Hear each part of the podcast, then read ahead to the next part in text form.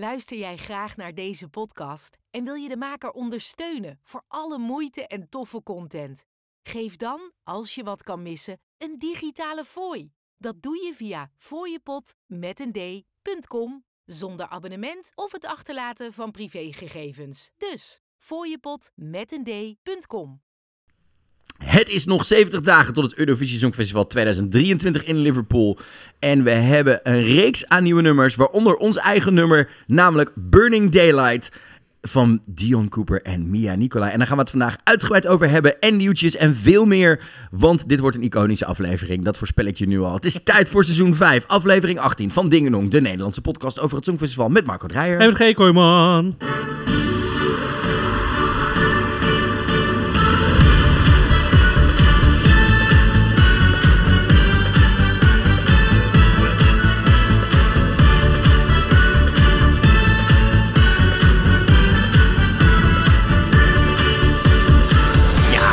Luistert naar Dingedong. De Nederlandse podcast over het Eurovisie Songfestival met Marco Dreyer. En G. Kooijman. En vandaag een speciale aflevering. Want Marco, voor het eerst in de geschiedenis van Dingenong splitsen we ons in tweeën. We splitsen ons in twee, maar dat kunnen wij. Dat, kunnen Dat, wij. dat doen we niet. hebben zoveel talenten. Wij kunnen ons zelfs in tweeën opsplitsen. Ja, want in de aflevering die je vandaag gaat horen, bespreken we alles over de Nederlandse inzending Burning Daylight van Mia Nicolai en Dion Cooper.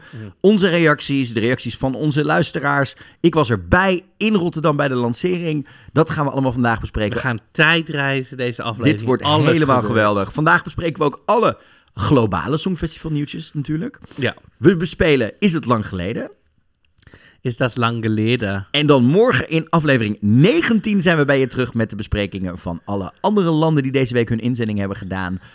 Ik ga dan nog wat relletjes bespreken. Geloof me Marco, ik heb echt het soort van hier bij jou op de muur echt met allemaal zeg maar pinnetjes en draadjes. Nou, er zijn me toch relletjes en dingen aan de hand in onder andere Polen. Dat bespreken we allemaal in een aflevering morgen, want oprecht, Het is heel veel dit het is heel veel en we wilden je gewoon vandaag al alles kunnen melden over onze Nederlandse inzending. Dus dat gaan we zo doen. Maar laten we eerst eens even naar de huishoudelijke mededelingen, waaronder de fooiepot, vragen uit de inbox en nieuws over onze inbelaflevering.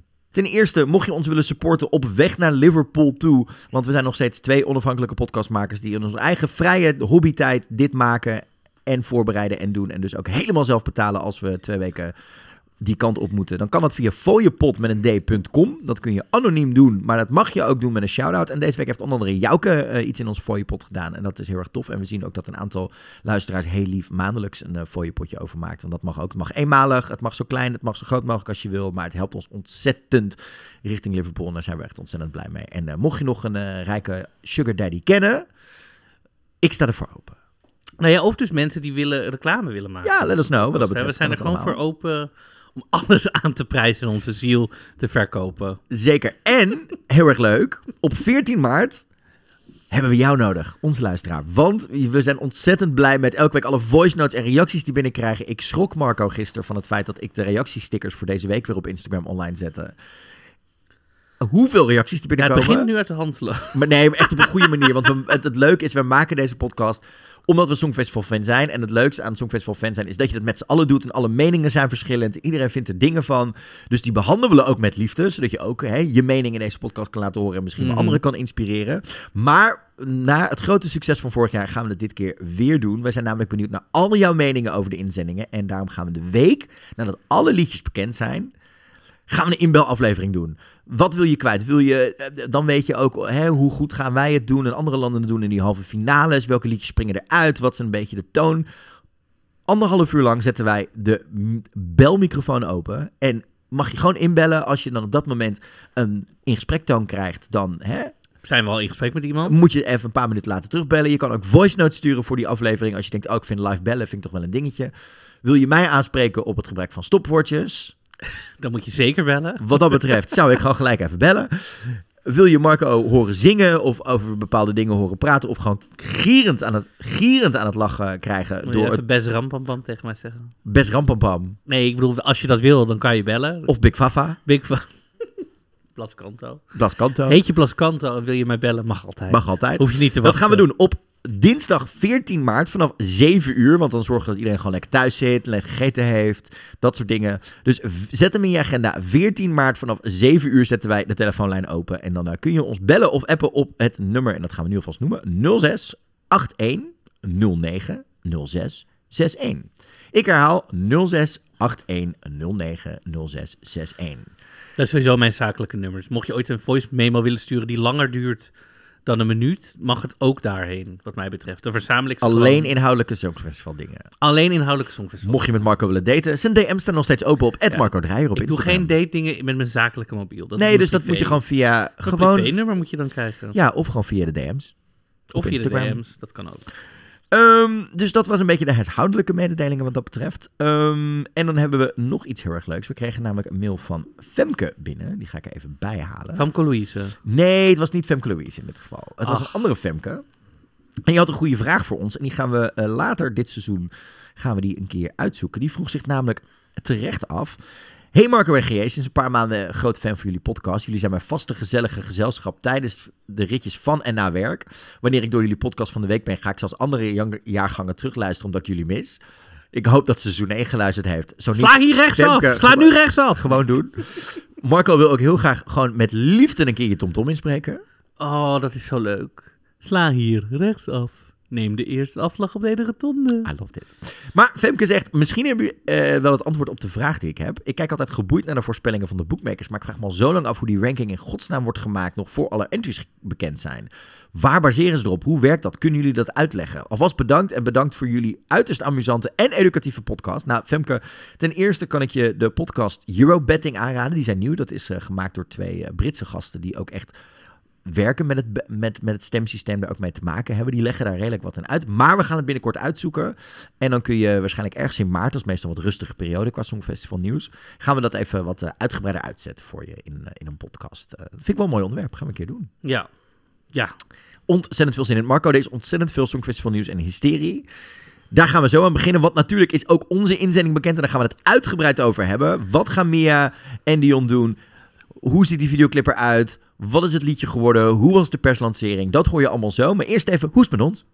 Ja, wat heb jij allemaal gezien? Want jij hebt zoveel concerten gezien. Laten we daar eens mee beginnen. Want jij hebt zo'n beetje... Het was, een, het, was, het was een heftige week. Laten we het daarbij Hoeveel heb je? Vier concerten gezien? Drie concerten. Drie concerten. Ja, eh, ik begon eh, natuurlijk op eh, dinsdag met Rina Sawayama. Ja. Doe mij er twee. Mogelijk, mogelijk de inzending voor het Songfestival van de UK. Hè. Ze, er gaan nog steeds hele zware roddels. En ze blijft ook maar dingen posten die met Euro en met, met eh, dingen te maken Ze kwam niet opeens op, zo.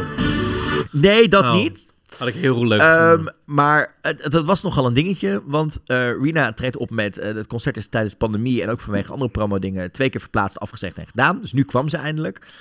Alleen toen bleek op dinsdagmiddag... bleken haar drummer en haar danser ziek. Dus de show was bijna niet doorgegaan. Uiteindelijk heeft ze de show wel gedaan met alleen haar toetsenist... die ook in één keer op een drumpad moest spelen. En zonder dansers. Dat maakte het voor haar een redelijk... eh, heftige show. Je zag het ook wel aan. Dus je moest heel erg soort van in het moment zijn. Maar het was zo ijzersterk. Deze vrouw is queer, Aziatisch, Brits, popster. Maar ze gebruikt ook new metal en soul en rap en techno in de muziek. En ook popdingen en ook soul. Op een gegeven moment deed ze eh, Send My Love to John. Een heel mooi, wat meer country-achtig balladnummer met hoge noten erin. En er staat gewoon zo'n unieke popster op dat podium. Dat was echt, nou, ik vond het zo gaaf. Het, was, het, het gebeurt zo weinig dat er een vrouwelijke popster met zoveel invloeden en dingen zo krachtig op dat podium staat. Al die stijlen door elkaar mixen. En het is gewoon één geheel en zo knijtergoed. Ja, ik was er echt ontzettend van onder de indruk. Was echt heel erg gaaf. Was echt heel erg tof. En toen op donderdag eh, ging ik, had ik eh, mijn eerste bespreking met, samen met Christa. Van mij, omdat we natuurlijk afgelopen zaterdag bij OutTV de Finse voorronde van het Songfestival deden. En daarna zat ik in één keer niet zo lekker in mijn vel. Weet je, zeker met die depressie eh, heb ik gewoon vlagen. Dan gaat het op en neer. Mhm. Zeker omdat ik heel erg druk was. Ik was woensdag nog dingen gaan doen. Woensdag was ook de memorial van Ax Leito. Een, een belangrijk eh, figuur uit de leather en queer community die overleden is en zijn memorial was. Dus dat had ook wel een impact. En toen lag ik in bed. Ik had eigenlijk allemaal niet zo zin. En ik had een dutje gedaan. En ik dacht, ja, het zal allemaal wel. eh. Maar uiteindelijk toch besloten om eh, de deur uit te gaan. Mhm. Want Lizzo trad op. Lizzo. Maar anderhalf uur voordat de show begon, lag ik nog lekker in mijn nest. Maar uiteindelijk toch een soort van Valt er wel mee? Nou ja, het voorprogramma ook, maar het is toch het is de Ziggo Dome. En ik had gewoon geen zin. En ik had echt bijna zoiets, geef mijn portie maar aan Vicky. Gewoon echt geen zin, geen energie. Geef dat mijn is, portie maar aan Vicky. ja, dat is een, gewoon een uitdrukking. Wat, wat zeg je dan in godsnaam? Wie is Vicky? Laat, dat is een hond. Vicky een hond. Zo van, nou, de- de- de- geef maar aan de hond, ik hoef het niet. Ken jij die uitdrukking niet? Nee, nog nooit gehoord. Nou, hierbij dus, Marco. Ehm, maar uiteindelijk, ja, dat is gewoon zoals de depressie werkt. En daar heb je dan weinig controle over. Maar uiteindelijk toch met veel tegenzin. Of nou, niet met tegenzin, maar wel met een soort van uh, lood in mijn schoenen. Maar gesteund door vrienden die me ook het app waren van... joh, ga gewoon en eh, kijk maar hoe leuk het is. Die kant op gegaan. En gelukkig kwam ik daar een aantal mensen tegen die ik kende. Want ik stond in een golden circle. En ik tweette een uur voordat de show begon... terwijl het voorprogramma bezig was... gewoon een foto van mezelf in het publiek. Zo van, joh... eh, wilde bijna niet gaan, lag nog in bed. Maar toen dacht ik bij mezelf: deze depressie gaat zichzelf niet, hè, isn't gonna cure itself. Dus toch maar mijn bed uitgestapt. En nu hopelijk bij Lizzo. Tijd voor wat zelfliefde, veel lol en blijdschap. En, en dat soort dingen. Dat had ik getweet en ik had Lizzo getagd. Dus die show begint. IJzersterk show. Die vrouw is, denk ik, gewoon qua persoonlijkheid. En dat vind ik zo tof bij die show. Niks veranderd sinds ik er drie jaar geleden voor, met 500 mensen in Paradiso Noord in de Tolhuistuin zag. Weet je, je hebt, je hebt toch wel eens dat je artiesten ziet dat ze in één keer gigantisch groot geworden zijn. En dat ze in één keer op het podium is helemaal glad gestreken. Dat er geen persoonlijkheid meer in die show zit. En dat het gewoon een ijzersterke show is qua zang en dans. Maar Mhm. niks meer persoonlijks zit. Dat is niet bij Lizzo. En op een gegeven moment in die show begint ze gewoon te vertellen van... Ja, net voordat ik het podium opging zat ik nog op Twitter. En toen zag ik een tweet voorbij komen over iemand die met een depressie bij... En toen had ze gewoon mijn tweet gezien. En daar begon ze gewoon een heel mooie speech over te geven. En later in de show was ze ook aan het huilen. Ze was heel emotioneel. dat jouw tweet ook echt. Was mijn tweet, ja. Hoe weet je dat dan? Omdat ze letterlijk de quotes aanhaalde Oh, uit jouw... eh, uit mijn tweet. En daar was ze dus schijnbaar heel erg door geëmotioneerd geraakt. En ze deed een hele speech erover, over depressie en, en zeg maar support en self-love. Maar ook gericht op mij dan, kwam ik dus later achter. Want ik had eerst zelf helemaal niet door dat het over mij ging. Tot iemand, een vriend van mij zat op de tweede ring en die, tweet, die stuurt me een appje. Was dat niet jouw tweet? En dus dat was heel mooi. En toen...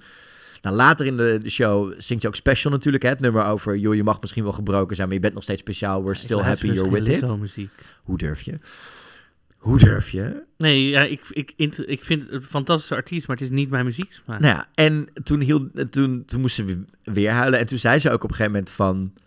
Ja, ik weet niet waarom ik zo geëmotioneerd ben vanavond. Waarschijnlijk is het dat diegene me getweet heeft en dat soort dingen. En toen begon ze weer over depressie. En, en toen haalden ze het nog een keer aan. Van ja, ik ben normaal, weet je, het is een rare maand ook voor mij. Ze heeft natuurlijk ook met depressie gemaakt. Maar dat was voor mij zo'n opsteker. Dat dat, dat, dat dat dan doet met zo'n grote ster. En dat ze dat dan gezien had. Ik dacht echt, nou dat ziet ze misschien wel na de show. Of ze ziet het helemaal niet. Maar dat was, dat was voor mij ook een hele mooie opsteker. En ik vind haar show gewoon geweldig. Er staan er gewoon tien vrouwen op het podium die de big girls, zoals ze ook heten, hè, de, de danseressen, die allemaal gewoon vol zijn, allemaal verschillende maten lichamen hebben.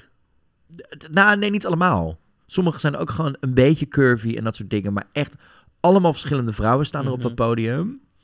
In de meest korte rokjes, de meest sexy outfits, maar zo zelfverzekerd, zo blij. En ze worden ook zo neergezet als in bepaalde dingen, als unieke dingen. Dus ze staan op een gegeven moment niet alleen maar choreo's te doen, maar ook los te dansen en blij te zijn en te doen. En ik heb zoveel berichten gezien van vriendinnen van mij die hun dochters meenamen naar een eerste concert, maar ook van, van vrouwen die daar stonden, die zeiden, wauw, dit doet zoiets met mijn zelfbeeld. Mhm. Dat je, dat, je, dat je niet alleen Lizzo twee uur lang in de volle energie en kracht ziet staan, maar ook die andere vrouwen en een band vol vrouwen. En het, het is zo belangrijk, die representatie. Mhm, mhm. Ik werd daar echt zo blij van. En plus die liedjes zijn geweldig. En wat ik helemaal mooi vond, en dan hou ik het bijna over op, want ik moet nog meer bespreken. En we zijn al lang bezig met deze podcast. Is wat zij ook deed, was tien minuten lang. Tijdens het concert ging ze vak voor vak van de eerste en tweede ring af. En ging ze daar mensen uithalen en die gedag zeggen. Maar echt letterlijk, hey jij met die blauwe broek en het groene shirt. Wat tof dat je er bent. Ik hoop dat je het naar je zin hebt. En dan kwam de camera op diegene. En normaal bij een concert, zodra diegene zichzelf op het scherm herkent, dan ga je naar de volgende. Zo bij een voetbalwedstrijd of zo. Maar hier bleef de camera er dan op. En dan ging ze er even een gesprekje aan. En zo ging ze vak voor vak op de eerste en tweede ring af. Vanaf het podium. En dat vond ik zo tof dat ze zo dat hele publiek erbij betrok. Ja, was echt kipvel. En heel erg leuk. Na afloop kwam ik Zoe en Julia tegen. En eh, dat, was, dat zijn natuurlijk luisteraars van ons podcast. En die waren leuk om even bij te kletsen en te doen. En een foto geweest. En dat was superleuk. Dus mocht je ons echt tegenkomen binnenkort. eh, ik ga nog, nog meer concerten. We gaan naar Steen in eh, de AFAS. Waar we binnenkort even een meetupje voor bekend moeten gaan maken. Hoe laten we afspreken eh, wat, eh, wat en hoe. Dat komt nog. Don't worry. Maar zo tof. Hoe laten we voor bij Febo afspreken? Of bij de Subway. er zit nog meer daar in de buurt. Want bij de Febo is meestal heel erg druk en chaos voor de deur. Ik ben Febo VIP. Ja, maar weet, je dat je chaos het- Febo f- kortingskaarten hebt? Ja, dat weet ik. Die heb ik niet meer. Sinds ik niet meer in de Kalfstraat werk. Maar dus ja, dus dat was, dat was met Lizzo was echt een heel mooi Ja. speciaal momentje. En dat deed me ook heel erg goed en dat soort dingen. Toen zaterdag was ik naar, eh, heb ik natuurlijk de UMK-finale gepre- eh, ge- ge- Gepresenteerd. Gepresenteerd, geco-host, gecommentariseerd met Christen Siegfried. Eh, daarover later meer, want we gaan het uitgebreid over UMK hebben en ook over het Hoe gaat het met haar broer eigenlijk? Christa Sigrid en Roy. Hoe durf je? En als laatste, Marco, gisteravond was ik naar onze Italiaanse vrienden uit Rotterdam. Ik was naar Måneskin in Ziggo Dome. Anderskin. Hoe was het? Dat was heel gaaf. Eh, na het tweede nummer, eh, opvallend, City Ebony was echt al nummer drie op de setlijst. Ja, maar dat willen ze... Ik bedoel niet... dat- dat- Nou, ze hadden dus zoveel knijters van hits gehad. ja, snap je? Dat, is niet dingen. meer hun, hun Nee. hit-hit. Maar het was wel heel tof, want hij, het was ook het eerste concert van de Europese Tour buiten Italië. Ze hebben volgens mij Rome en Turijn vorige week gedaan. En nu stonden ze voor het eerst in de rest van Europa. En wat heel tof was, is dat hij het gelijk ook aanhield. Hij zegt, ja, deze show is wel speciaal. Want hier in dit land, niet in Amsterdam, maar in Rotterdam... is voor ons deze hele shit, deze hele chaos, deze hele waanzinnige achtbaan begonnen. En daar zijn we nog steeds heel erg dankbaar en blij voor. Uh, want daarom hebben we onze muziek aan de wereld kunnen laten zien. En spelen we met de Rolling Stones tot aan de Grammys aan toe en dat soort dingen. Maar dat is in Nederland tijdens het Songfestival begonnen. En daar zijn we nog altijd heel erg dankbaar voor. Toen ging je niet zingen. Nederland. Nee, hij kreeg wel een oh Nederlands voetbalshirt later. Want aan het einde van de show haalden ze ook heel veel fans het podium op voor een lekkere, lekkere chaos. Ja, hij kreeg een voetbalshirt in het? Het, traditie. Maar ik moet zeggen, ik vond Wat voor show... traditie? Ja, het is meestal traditie dat je dan een voetbalshirt van een Geef jij land ook altijd krijgt aan je vrienden hier? Nee, maar artiesten krijgen meestal een voetbalshirt of een ding. Dat is dat gebeurt, of die trekken ze dan aan. Dat is toch het meest makkelijke manier om... Het is dat of een, of een Nederlandse vlag. Een van de twee. Het En nog een niet, kaas van niet. pan op het podium gooien. Anyhow. Ik vond het een ijzersterk show. Ja, Ze zagen er heerlijk uit in vlammende Gucci-outfits. Het was, echt, het was natuurlijk weer heerlijk om naar te kijken. Want het zag er echt allemaal ijzersterk goed uit. Muzikaal was het ook voor, was het wel gewoon... het- Ze waren heel energiek. Eh, De 22 nummers, een akoestische set achter in de zaal. Maar ik ga wel één ding bekennen. Ik vind toch dat als je het zo live zit, dat ik bij sommige nummers dacht... Oh, dit is een ander nummer dan... Oké, top. Het lijkt qua gitaarriffjes, zeker als ze wat nummers van, de, van het album spelen... lijkt het af en toe wel een beetje op elkaar. Maar ja, ik had dus een, een hysterisch drukke en, en chaotisch week. eh, met ook gewoon nog momenten dat ik gewoon in mijn eentje lekker in bed lig. Maar over die depressie zo weinig mogelijk. Want dan moet ik toch nog 16 weken wachten tot er een therapeut een keer naar kan gaan kijken. Want zo werken de wachtlijsten in Nederland. Zelfs als je met wachtwijsbemiddeling je zorgverzekeraar belt. Zelfs dan is het, ja, je moet toch 12 weken wachten. Dus dat. Maar hoe is het met jou, Marco? ja eh, ik, als dit online komt, zitten we in de maand dat ik dakloos word. Ehm, en eh, dus dat begint wel een beetje spannend te worden. Als in heel veel kleren, nou eigenlijk al mijn kleren zitten momenteel in dozen al. Zaterdag ga ik mijn hele zolder opruimen en alles. Ja, ik ben gewoon eigenlijk midden in de verhuizing nu eigenlijk al. Ehm, dus dat is heel veel. Ik was wel afgelopen zondag Hart voor Nederland weer. Dus dat is gewoon fijn. Er komt nog een interview met Jinek aan, geschreven, dus niet op tv.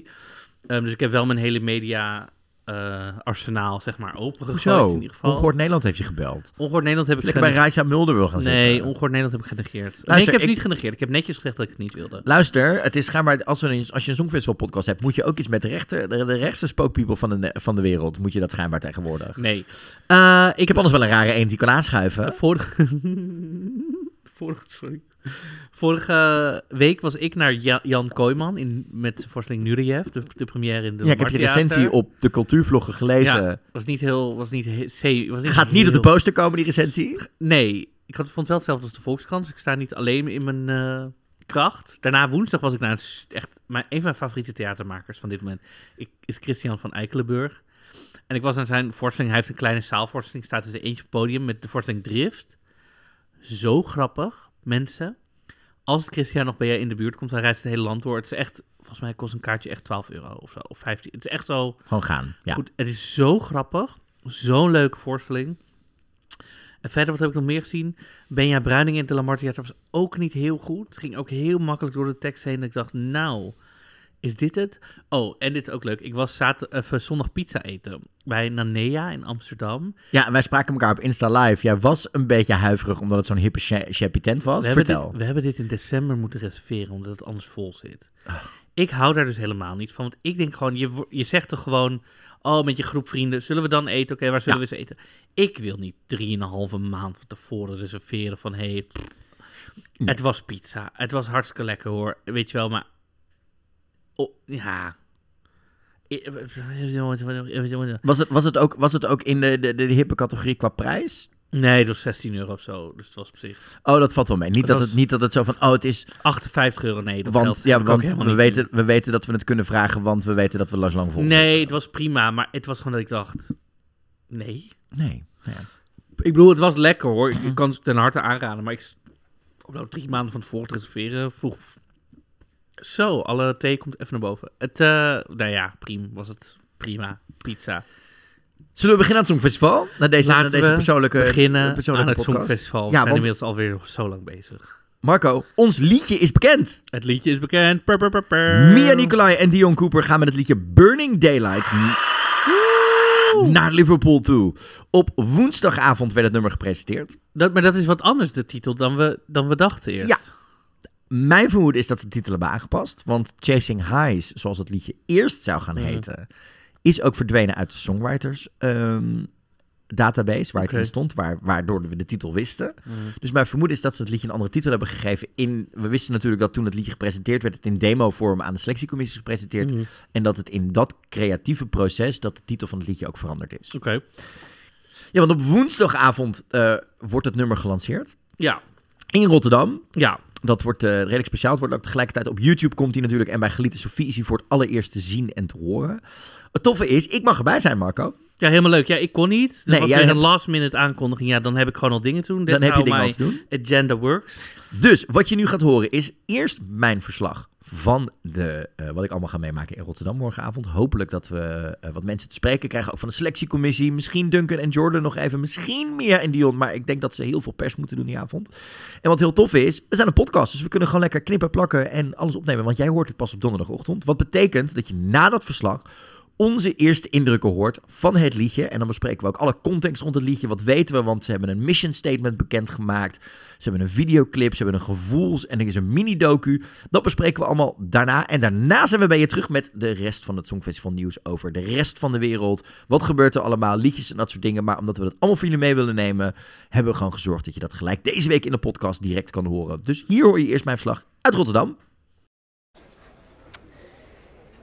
Ja, en toen was ik in Rotterdam, namelijk in Remastered Rotterdam, onder de Erasmusbrug, waar zo direct het liedje van Nederland, namelijk Burning Daylight van Mia Nicolai en Dion Cooper wordt gepresenteerd. En we zijn net met alle pers en alle genodigden, zijn we ineens een hele mysterieuze ruimte ingedoken. Dit is een soort projectieruimte waar een eh, tikkende klok op de vloer te zien is. We zien allemaal tandwieltjes overal. En eh, Duncan en eh, Jordan, de twee songwriters, zijn er al. We hebben ook wat andere mensen al zien binnenkomen lopen.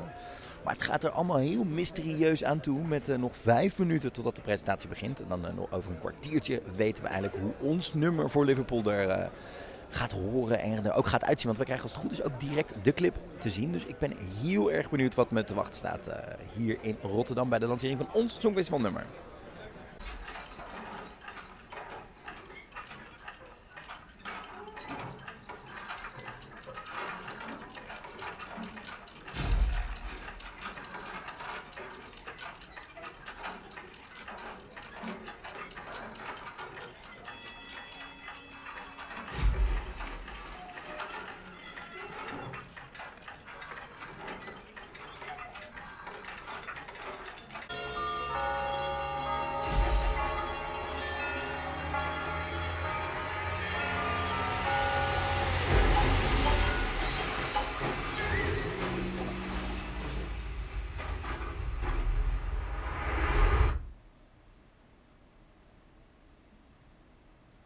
Makes us human?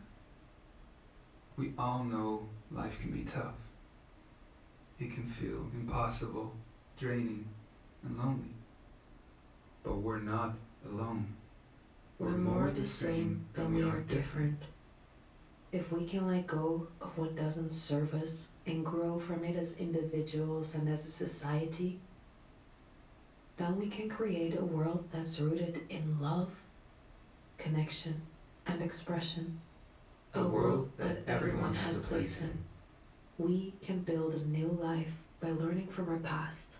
and focusing on a new and brighter future. Here's to that future.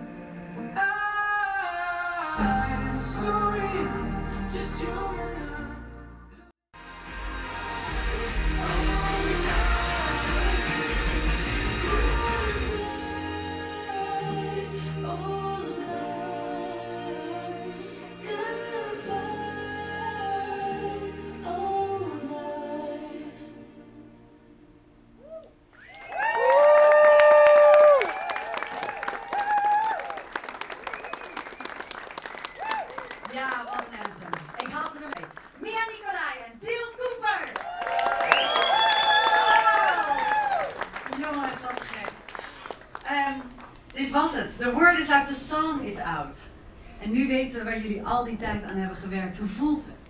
Ja, super onwerkelijk. Echt niet normaal. Ik ben zo blij. Ik ben ook echt. Wat vonden jullie jongens? Ja, het, is zo, het is zo bijzonder. We zagen in de mini-documentaire dat jullie, hè, hoe jullie bij elkaar zijn gekomen. Kennen jullie elkaar nu door en door? Nou, ik weet niet of het door en door in zo'n korte tijd kan, maar ik heb wel het gevoel dat ik echt erg tot je ben gekomen. Ja, ja zeker. Het is zo'n intens mooi proces. En we hadden in- laatst een interview voor de krant. Toen was het ook, ja, we zien elkaar echt bijna elke dag. En daar, daarin leer je elkaar gewoon op een hele mooie manier kennen. Ja, ik begreep dat jullie elke dag koffie drinken. Hoe drinkt Dion zijn koffie het liefst? En nadat. We drinken elke dag koffie. en eigenlijk hadden we allebei een decaf met oat milk cappuccino. Dus dat is, ja, dat is... Ja, we hadden wel een soort hipster versie van koffie. Dus Ja. ik, ja. Goed, het is het Songfestival, dat mag gewoon hipster zijn. Hoe zien eh, de komende weken er voor jullie uit? Ah, nou, volgens mij heel veel dingen. Ik ben even nu aan het denken. Misschien jij het beter. Ehm, het is vooral even bijkomen hiervan. En ik denk ook vooral even voelen van wauw, hoe is het om dit met iedereen te mogen delen. En daarna gewoon keihard aan die act werken natuurlijk. Maar hoe fijn ook dat jullie met z'n tweeën zijn. Dat als jij even blinkt, dat je dan kan zeggen, ah. Ja, daar hadden we het net ook over. We hadden even een momentje met z'n tweeën gepakt en gewoon keek elkaar aan van hoe fijn dit met z'n tweetjes te doen. Dus zo, dat is echt van 0 naar 1000. Weet je, ik, bedoel, ik heb voorheen nog nooit zoiets groots meegemaakt. Dus het voelt wel echt als iets bijzonders. Zo. Ja, ik hoorde net iemand backstage zeggen, het voelt alsof het oud en nieuw is, alsof het 12 uur is. Ja, het is echt een soort aftellen, weet je, heel groot. Maar ja, dat is voor ons echt een soort maandenlang geweest. En, eh, het- En dan straks naar Liverpool. Ja, hoe, hoe voel je? eh, ik kan het bijna, bedoel, je bent gewoon excited. Wat, wat, wat verwacht je? Ik verwacht heel veel hectiek, heel veel plezier en heel veel zenuwen. Daar sluit ik mij volledig bij aan. Jongens, wij, wij staan voor jullie, zijn heel dankbaar. En eh, geef ze nog één keer een heel groot applaus. Lia Nicolai,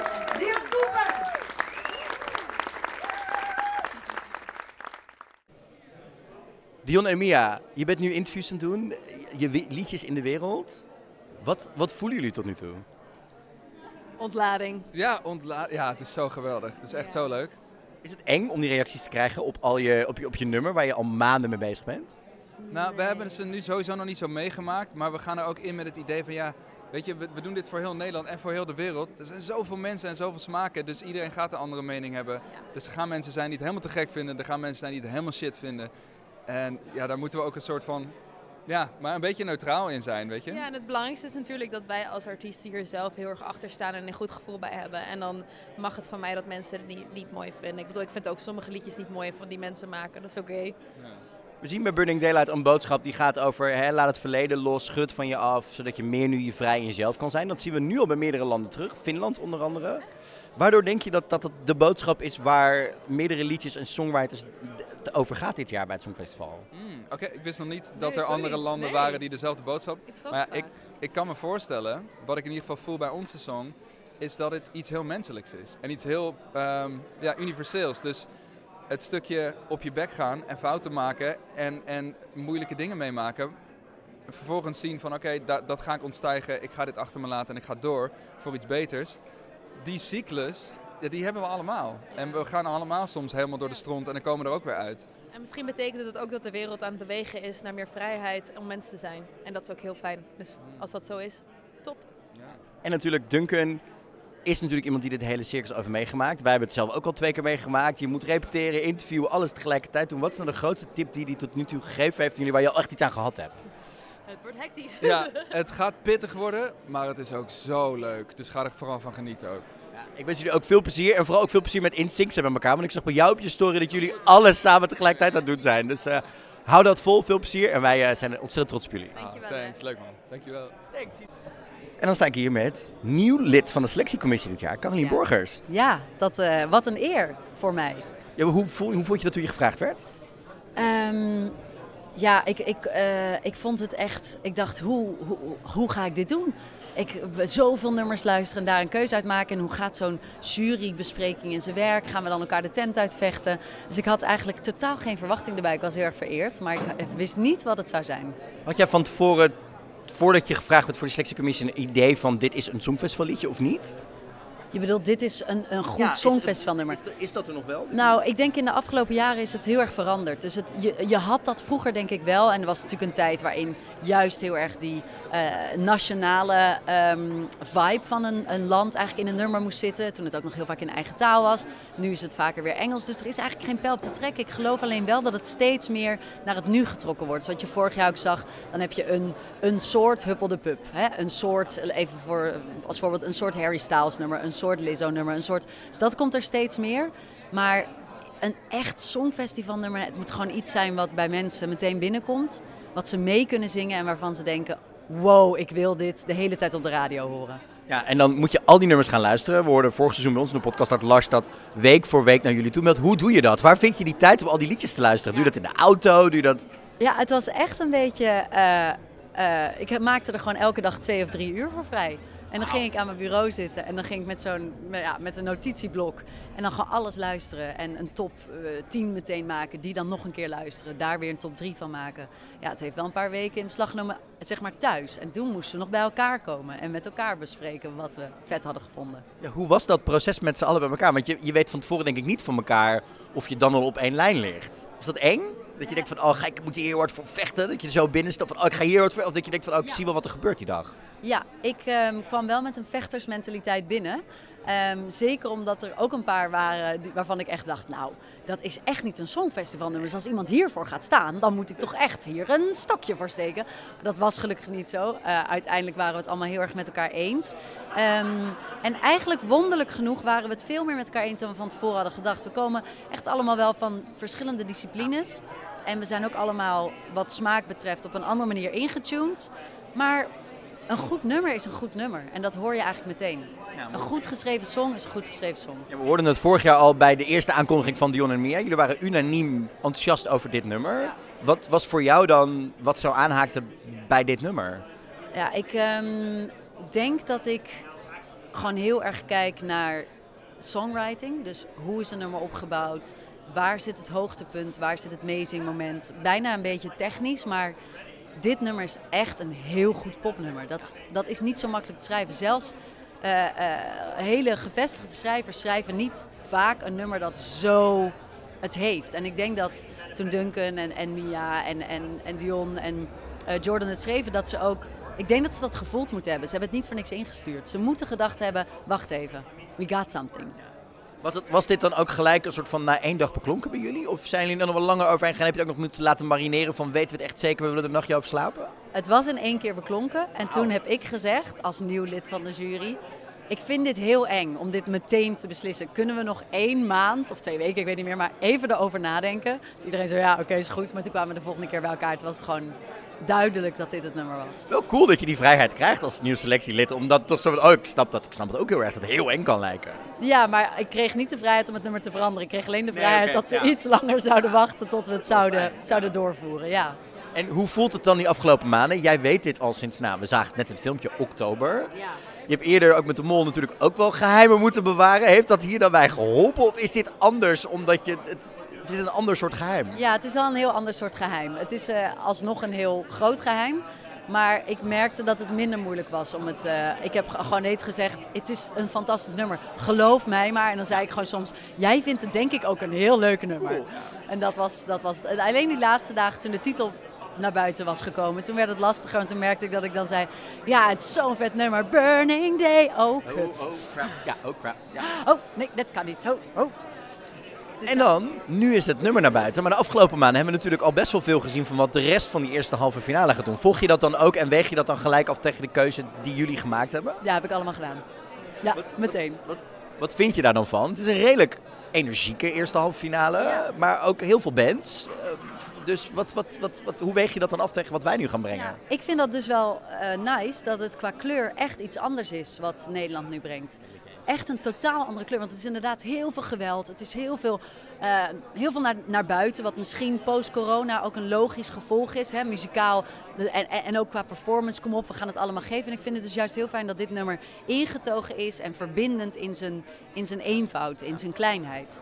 Dus ik denk, ja, ik vind dat juist wel fijn. Als er allemaal rustige, balladachtige nummers waren geweest, had ik me meer zorgen gemaakt. Die zitten gelukkig allemaal in de tweede halve finale. Dus daar hoeven Hebben we... wij geen last van? Hebben wij, nou ja, misschien in de finale, je weet ja, het niet. misschien in de finale. Ja, precies. Nou ja, dan gaan we het zien. Maar dan, dan is dit nummer al in ieders hoofd blijven ronddwalen. En dan, k- dan kiezen ze voor dit nummer, dat geloof ik. Laatste vraag. Ga je mee naar Liverpool? Ehm, dat weet ik nog niet. Ik, ik hoop het, maar ik hoef er niet te zijn. Als jurylid hoef ik er niet per se te zijn. Dus wie weet dat ik er nog een functie krijg. Maar vooralsnog ga ik gewoon in Amsterdam voor de televisie zitten. Lekker. Carolien, dankjewel. En nou, laten we hopen dat je volgend jaar weer in de selectiecommissie mag, toch? Of teken je gelijk voor meerdere jaren? Dat zou ik even moeten vragen eigenlijk. Even onderhandelen, dat gaan we doen. Carolien, dankjewel. Dankjewel. En toen stond ik hier met hoofddelegatie van Nederland. Lars, hoe voel je je na deze lancering? Opgelucht. Onwijs opgelucht. Het is toch een eh, soort geheim of zo wat je maandenlang moet meedragen. En dat eh, deel je dan ineens met iedereen. En iedereen vindt er wat van en iedereen mag er wat van vinden. Eh, maar dat is wel een spannend moment, ja. Ik vroeg het net ook al aan Carolien. Die vond het heel moeilijk om de afgelopen maanden dat geheim te bewaren. Omdat ze er zo enthousiast over was. Is dat bij jou dan hetzelfde? Ehm, ik denk dat dat ook een beetje bij de functie hoort dat je weet dat je iets hebt wat je moet bewaken, wat niet naar buiten kan. Wat je vooral intern met elkaar bespreekt en met het team. En het is natuurlijk niet alleen dat wij bezig zijn met een release, we zijn al bezig met de act. Eh, dus je hebt het er constant over met je team. Dus ik denk dat dat ook wel een soort, nou, misschien een soort uitlaatklep is om met elkaar daarover te kunnen blijven praten. Omdat je weet dat is een beetje de, de safe space, zeg maar. Het is jullie dit jaar uiterst goed gelukt. Er is niets uitgelekt wat er niet uit moest lekken.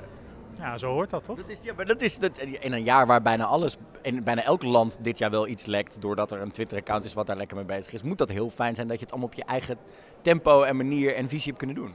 Nou, precies. Ja, dat is heel fijn. Ja, en dat is ook precies hoe ik eh, eigenlijk wil werken.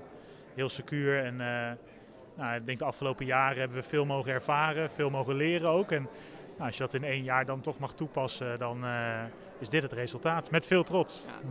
Eh, de selectiecommissie was unaniem, hoorden we toen al bij de lancering. En dat hoorde ik vandaag van Carolien weer. Eh, wat voor opdracht had jij ze dit jaar meegegeven? Qua waar het Songfestival nu staat en eh, waar we voor Nederland voor wilden gaan?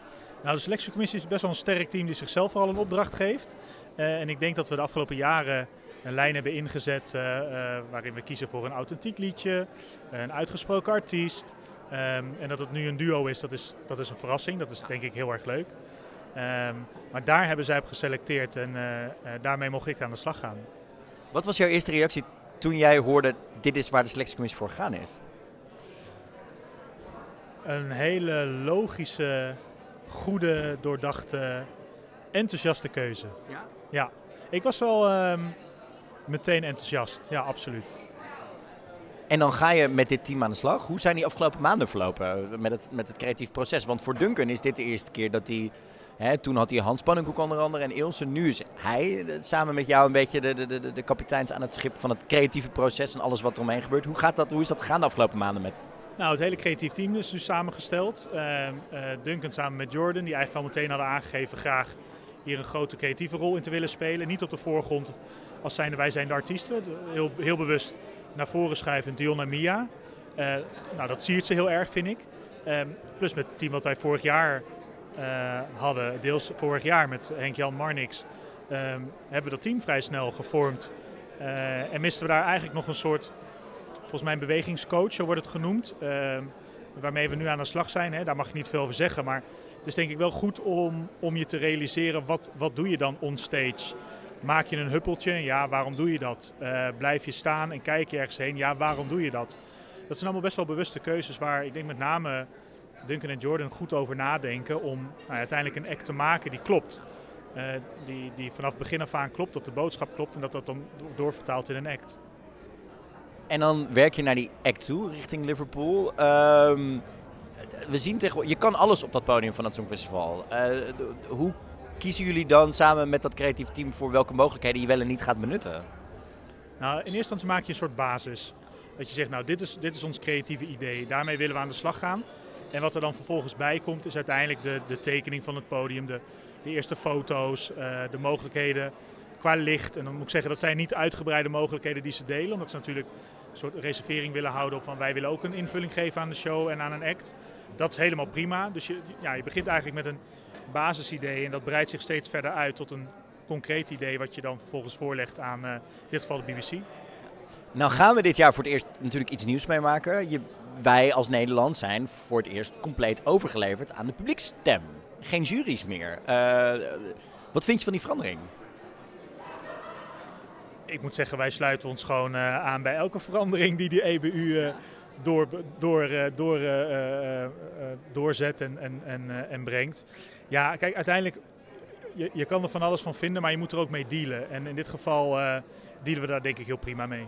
Ja, ik hoorde van Sietse Bakker, die Twitter tegen mij zei, ze hebben ruim onderzoek gedaan dat het weinig uitmaakt. Hè? Als ze de afgelopen 15 jaar de, de jurystemmen eruit halen, dan zou het niet heel veel schelen qua wat er doorgaat naar de finale toe. Dus dat moet denk ik wel geruststelling zijn.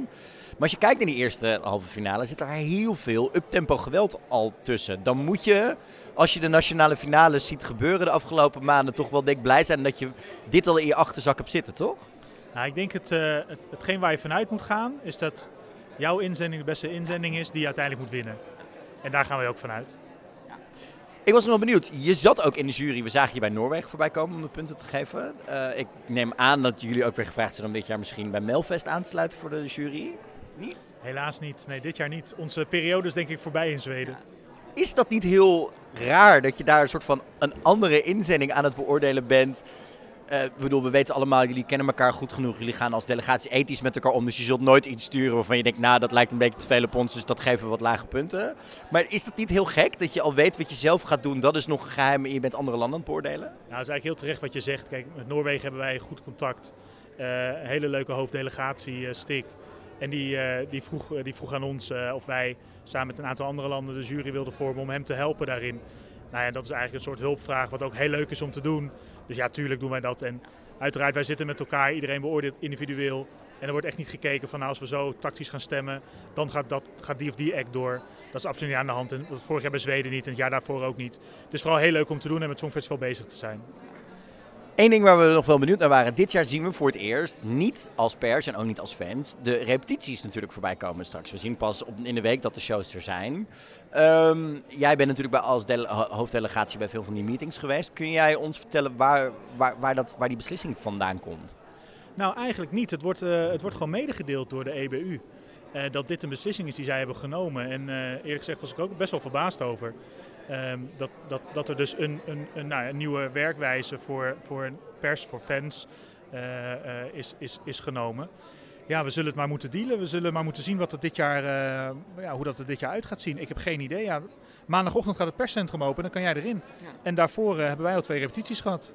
Maar als je kijkt naar, hè, voor, voor de act, dan in dit geval voor Dion en Mia, je bouwt meestal die bus op die eerste weken, ook met de fans en beelden kunnen delen met, met de media en dat soort dingen. Hoe kijk je daar als hoofddelegatie naar als je kijkt naar de promotie van, van, de, van de act dit jaar met je ervaring van de afgelopen jaren? Want je hebt met Duncan toen heel veel bus kunnen opbouwen met, ja, er was gedoe rondom die lamp, maar kijk nu die lamp er is, zo ziet het eruit, dit is de atmosfeer. Die, die sfeer kon je opbouwen. Dat is nu wat minder. Hoe kijk je daar tegenaan als hoofddelegatie? Nou, het heeft een toegevoegde waarde. Terecht dat je dat zegt. Hè. In, in, in zo'n week daarvoor kan je, kan je eigenlijk al laten zien uh, wat je doet. Uh, kan je erover praten. Kan je, wat jij terecht zegt, dat veel landen maken daar gebruik van een bus creëren.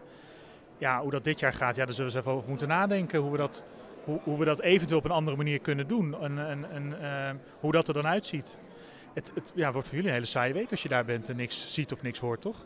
Nou ja, er is, we hebben net vandaag persbericht gehad. Er is genoeg cultureel programma daar in, uh, in, in Liverpool. Ze gaan echt dingen doen met een Yellow Submarine Rave en dat soort dingen. Dus dat komt helemaal goed wat dat betreft. Je zei vorig jaar tegen mij, succes is voor mij winnen. Hè? Is, is dat dit jaar gewoon weer je doel? Ja, je doet mee in een wedstrijd, dus je wil winnen. Je wil winnen? Absoluut. Gaat, gaat dat lukken met Mia en Dion? Dikke kans. Goed zo. Lars, dankjewel. Graag gedaan. Ja, Marco, dat was mijn verslag vanuit Rotterdam vandaag. Ik moet je zeggen, Marco, ik vond het heftig. Ja, was het... Uh... Nou, wij kwamen binnen onder die brug en je hoorde het ook al in het audioverslag. En vervolgens... Onder welke brug? Onder de Erasmusbrug. Onder de Erasmusbrug. Ja, bij Remastered Rotterdam was dit. En er was een gigantische video wall buiten in de hal en daar stonden we. En op een gegeven moment was het van, oh, mensen zitten dan hier? Nou, dan hangen niet echt boksen of zo. En toen werden we een zaaltje ingeleid. Nou, dat is een beetje zoals, god, hoe heet dat? Dat Lumière de... Fabriek de Lumière in Amsterdam. Dus het is een soort enorm grote zaal met echt plafond. Alles is geprojecteerd. Ja. Muren, plafond, alles. Een soort grote kunsthal. Nou, meid, daar, waren, daar, zaten, daar hadden ze een projectie die volgens mij gewoon van een normale attractie is daar. Want normaal is het een kunstinstallatie Ja. slash attractie ding daar. Met allemaal tikkende klokken. En die gingen steeds harder en sneller in eh, de- asynchroon door elkaar heen. En op een gegeven moment gingen ze ook een soort van donderslag allemaal beginnen te klapperen. Nou, ik dacht Toen echt kwam dat- Gwen Stefani binnen. Toen dacht ik, ik dacht dat ik, ik dacht, nou, dit is de fucking Efteling. En over drie minuten gaat het hele pand kantelen als een soort Villa Volta. Zeker ik met mijn over, overloaded depressiehoofd had echt iets van, moet dit? Jij was, In jij- een afgesloten ruimte. Jij dacht, ik ga dunken, minimalistisch, lekker rustig. Nou, dat dacht ik ook, ja. I was wrong. Vervolgens kregen we dus de, eh, eh, kregen we iets eerder dan Nederland kregen we de mini-docu te zien. Mhm, mhm. En daarna de videoclip. En daarna werden eh, Dion en Mia geïnterviewd door Caroline Borgers natuurlijk, die in de selectiecommissie zit. Caroline Daar Borgers. heb je ook een stukje van gehoord in de podcast. En daarna was het tijd voor interviews. En mocht ik dus heel snel even bijkletsen met Dion en Mia. En, Nou ja, bijkletsen voor het eerst te ontmoeten. Ja! Dus nog niet bijkletsen. Nou ja, gewoon even Bijkletsen gewoon- is als je elkaar al helemaal... Is- ik heb het gevoel alsof ik ze al een beetje ken door alles wat we de afgelopen dagen in die teasers gezien hebben online. Oh. Wat ehm, vond jij van de interviews met Carolien, met Lars, eh, onze hoofddelegatie, en van Dion en Mia, wat je net gehoord hebt? Ja, hartstikke leuk. Ik vind het leuk dat iedereen... Nee, niet dat... Ik bedoel, Lars eh, hebben we dan wel al een keer geïnterviewd. Jij. En eh, ik ben gast... Oh, Lars gaat me echt haten. Elke keer als we hem spreken, ben ik er niet. Nee, ja, super interessant om iedereen's ding te horen. En, en Carolien, hoe zij dan zo... Als dat ze nieuw was in het... ehm, in het hele gebeuren, selectiecommissie, hoe ze zich daar dan moest verhouden en hoe ze zich daar een plekje in moest vinden. Ja, ik vond dat is gewoon heel interessant om te horen en heel dat ze zich wel daar thuis in voelt, zeg maar. Ja, en ook heel cool dat ze het, het eigenlijk met ons eens is dat het gaat bij het Songfestival om liedjes die het beste zijn in hun genre. En dat er Ja. niet meer een formule is met, zoals, we, zoals we 15 jaar geleden misschien niet hadden. iedereen probeert hetzelfde te doen. Weet je nog, we hadden toen dat nummer met How to Write a Perfect Ja. eh, Eurovision Song. En je gooit er wat drummels in, wat drummels, trommels in. En, een love, love, peace, ja. peace. En de modulatie. We doen een jurk en een blonde, een grote tiet en we gaan ervoor. Dat is het echt niet meer. En dat ik ben blij dat de selectiecommissie daar ook eh, de, de volledige Ja. achter staat. Sowieso, dit jaar is zo eclectisch. Er is echt van alles nog wat. Ik weet nog niet of dat heel goed is, maar er is in ieder geval voor- iedereen... Daar gaan we het zo iets uitgebreider over Deze, hebben. maar- de rest ja. van de, de, de aflevering gaat daarover, maar ik... eh, ja, Dat vond ik ook. Wat vond je van Dion en Mia in hun interview? Ja, leuk. Ja, ik, dit is eigenlijk voor het eerst dat ik hun hoor. Natuurlijk met ons, maar gewoon dat ik denk: oh ja, zo zijn zij of zo. Kijk, we zien natuurlijk wel die mini-docu van de Afrotrolls en interviews. Maar dan, kijk, die mini-docu is natuurlijk best wel geproduceerd gewoon. En ook interviews op tv eerder dan. Je bent gespannen, dus je bent gewoon wat aan. En dat merk ik wel vaker als wij mensen interviewen. Als ze horen dat wij een gewoon een wat kleiner platform zijn, dan kunnen ze even zo van: oh ja. ah, dit zijn, weet je, maar... Nee, niet maar de fans, dat is niet waar. Maar weet je, minder, het, zijn min, het is niet zo... eh, oh, het is gewoon even, ik praat met de fans. Dat is even zo... En we steken hem positief in. Ja, weet je, dus dat, ik merk gewoon dat aan ze. Dit is voor het eerst dat ik hun fijn eventjes zo... Ze hebben een hele leuke chemie met z'n tweeën hoor. Je merkt echt wel dat... Ja, dat weet ik. Dat, dat moet ik dan in het echt nog even een keer gaan zien. Maar ik merk wel ook in het interview dat ze elkaar, ze vullen elkaar aan. Ze zijn nog een beetje, ze zijn eh, ook die reacties over wat ze dan van mensen zouden vinden die het nummer minder goed vonden. Dat, die, dat, dat Mia ook gewoon zegt, ik heb ook nummers die ik gewoon helemaal niet leuk vind. Zijn ze namen? Did she name names? Nee, maar gewoon in het algemeen dat ze Oh. zegt, ik vind gewoon muziek soms ook niet goed of niet leuk. Dat ik denk, ja, ik snap dat wel. Say their names. Nee, dat is- Nee, dat, maar dat- ja, ik werd er heel blij van, van die, dat dat ze ook nog een beetje ruw zijn, maar ze, ze vullen elkaar zeker aan. Ja. Eh, dus daar ben ik heel blij van. Ik vond het ook wel fijn dat ze benoemde... Zij ze dat, ik weet niet waar ze dit nou zei. Of dat ze dat zei in, een doc, in, in die docu. Of ergens vanavond zei ze het. Dat ze het weer hadden over dat ze zei... Ja, en acht jaar geleden zei ik op die Insta-post dat ik weg wilde uit Nederland. En dat ze het gewoon even benoemde. Dat ze ja, weet je, je zegt soms dingen en ik ben me daar zo bewust van Ja. geworden. Dat je gewoon moet opletten wat je zegt. En de- hoe bepaalde media en mensen dingen kunnen interpreteren. Terwijl, hoeveel artiesten hebben wel niet gezegd... ik wil verder kijken naar Nederland, want ik heb een grote... be-" Dat is helemaal niet raar. Soms, soms maak je als, als, als mens dingen mee waardoor je denkt: ik heb mijn plafond bereikt in Nederland. Of ik, ik, ik kan hier niet verder groeien. Dat is helemaal Ja. oké. Dat betekent niet dat je het land haat. Wat ik nog heel leuk vond eh, vanuit, vanuit de mini-docu kwam, is dat we heel erg duidelijk een, een overduidelijk duidelijk inkijkje krijgen in hoe dit nummer is ontstaan. Hè? Mia ging schrijven met Jordan, toen heeft Duncan de demo ingezongen. Toen dachten ze, moet dit misschien toch niet een duet worden? En toen hebben ze Dion erbij gehaald, hebben ze het nummer herschreven om ook zijn perspectieven in te krijgen. Toen heeft een van de favoriete producers van Duncan dit geproduceerd. Die demo is er gekomen en toen zijn ze verder gaan werken. En toen deed mevrouw Rota Rooshart het in de bibliotheek. Met een hamer. Nee, grapje. Het is laat. Laat me. Oh, dit is een Cluedo. Oh, sorry. ik zat echt zo. Is dit een of andere VPRO kinderserie die ik nooit gezien heb... omdat ik naar Telekids zat te kijken... terwijl jij file achterwerk op had staan met ja thuis. Ik zit hier... eh, Ik Ik, ging dit ook uitleggen. ik, Waar komt dit vandaan? ik heb het, het- geen idee. Ik heb al zo lang... ook geen- I don't- mensen, we hebben dit al in de uitzending gezegd. We nemen dit op op woensdagavond. Het is eh, middernacht. Het is middernacht geweest al. Dus het is... It's, it's a lot. Ik was hier om half negen vandaag. Dat bedoel Het- ik. Het is een hele lange dag. We hebben veel over voor onze vrienden van het Songfestival... en jullie als luisteraar. Dat eh, kunnen we er wel bij zeggen. Geef ons een vootje. Maar Marco... Ja. Zullen wij nu eens gaan luisteren naar het nummer en dan maar eens verder gaan praten over wat wij vinden van on- de Ja. inzending van dit jaar en dan vervolgens de reacties van onze luisteraars eens gaan bekijken. Dit is de inzending waar dit jaar we mee naar het Songfestival gaan. Dit is de inzending waar we dit jaar het mee moeten gaan doen. Dit is het liedje wat ons die finale of misschien wel toch echt die overwinning moet gaan binnenhalen. Dit is namelijk Burning Daylight van Mia Nicolai en Dion Cooper.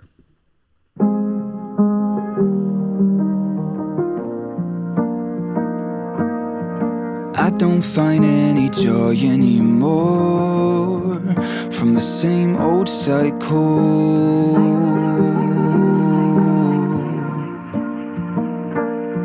I don't know what made me happy before. From all to zero, where did I go? Between falling and running, I've been trying to get on my feet in time. I've never been good at crying, always wanted to be the tough type. I'm sorry, I'm just human. I'm losing myself, I'm chasing highs. I'm losing myself, I'm chasing highs. In burning daylight.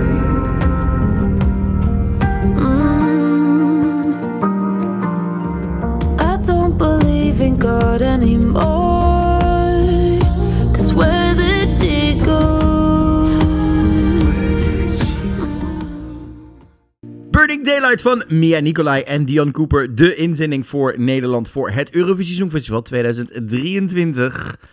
Marco Dreyer, jouw eerste reactie. Eh, ja, mijn eerste reactie. Nou, het is, het, is, het is een goed nummer. Het is goed gecomponeerd, het is goed gezongen. Ehm, het is, ik vind het een hele interessante opbouw hebben. Ik vind het heel interessant dat er is gekozen om niet hem twee zinnen, zij twee zinnen. Gewoon, hij doet het hele eerste Compleet. segment en zelfs refrein. Ja. Dan komt zij met haar verhaal en dan pas bouwt het op naar die... Dus je bent heel lang aan het opbouwen en dan komt er een soort e- eind... nee, explosies vind ik iets te bombastisch. Maar Apotheose? Ap- apotheose vind ik ook moeilijk. Vind ik gewoon een einde.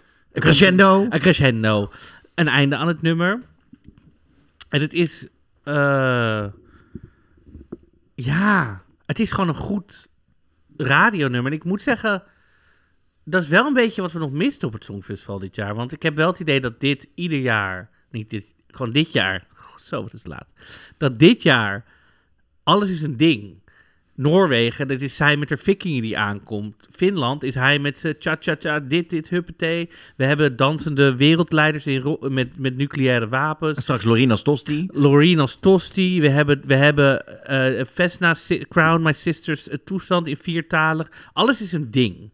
Alles is heel ingewikkeld. Alles is best wel conceptueel. conceptueel, ook. ja. Zelfs Spanje is een soort, soort, soort weet je wel... dit- Techno-flamingo. Techno-flamingo. Italië is dan een hele mooie ballad. Sorry, flamengo. Flamengo. Italië Techno flamingo, dat is, zeg maar elke homoseksueel op, eh, op, op, op, op.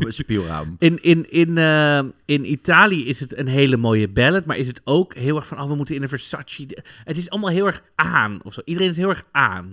Be- België is een soort Vogue, let's go. Lazara uit, uit, uit Frankrijk moet ook een hele iets. Alles is een ding. Alles is heel groot. Heel, huh, wij, wij hebben dit, dit. Dit is gewoon een mooi nummer. En het is mooi ingetogen. En het is mooi verteld. En dus mijn eerste reactie is: ja, het is gewoon een, het is een mooi gedegen nummer.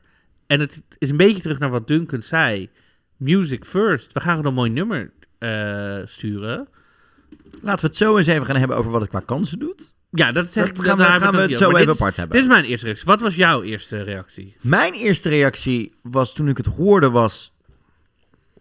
Wow, wat is dit textueel interessant. Het, het is veel eerlijker dan ik had verwacht. Ik had verwacht dat het, hè, I don't want to live this old life anymore. Ik, ik geloof niet meer in God, want waar is ze? Ik ben... ik dat, ben- is de eerste, dat is de enige tekst die ik echt ik dacht, dat, die hoorde ik ook echt. dacht Ja, maar ook, ook dingen over. eh, ik, ik ben deze cyclus zat van dingen op dezelfde manier doen. En vergeef het me, ik ben, ik ben, ik ben mens, dus ik ben de, de, de, de hoogtepunten in het leven aan het najagen.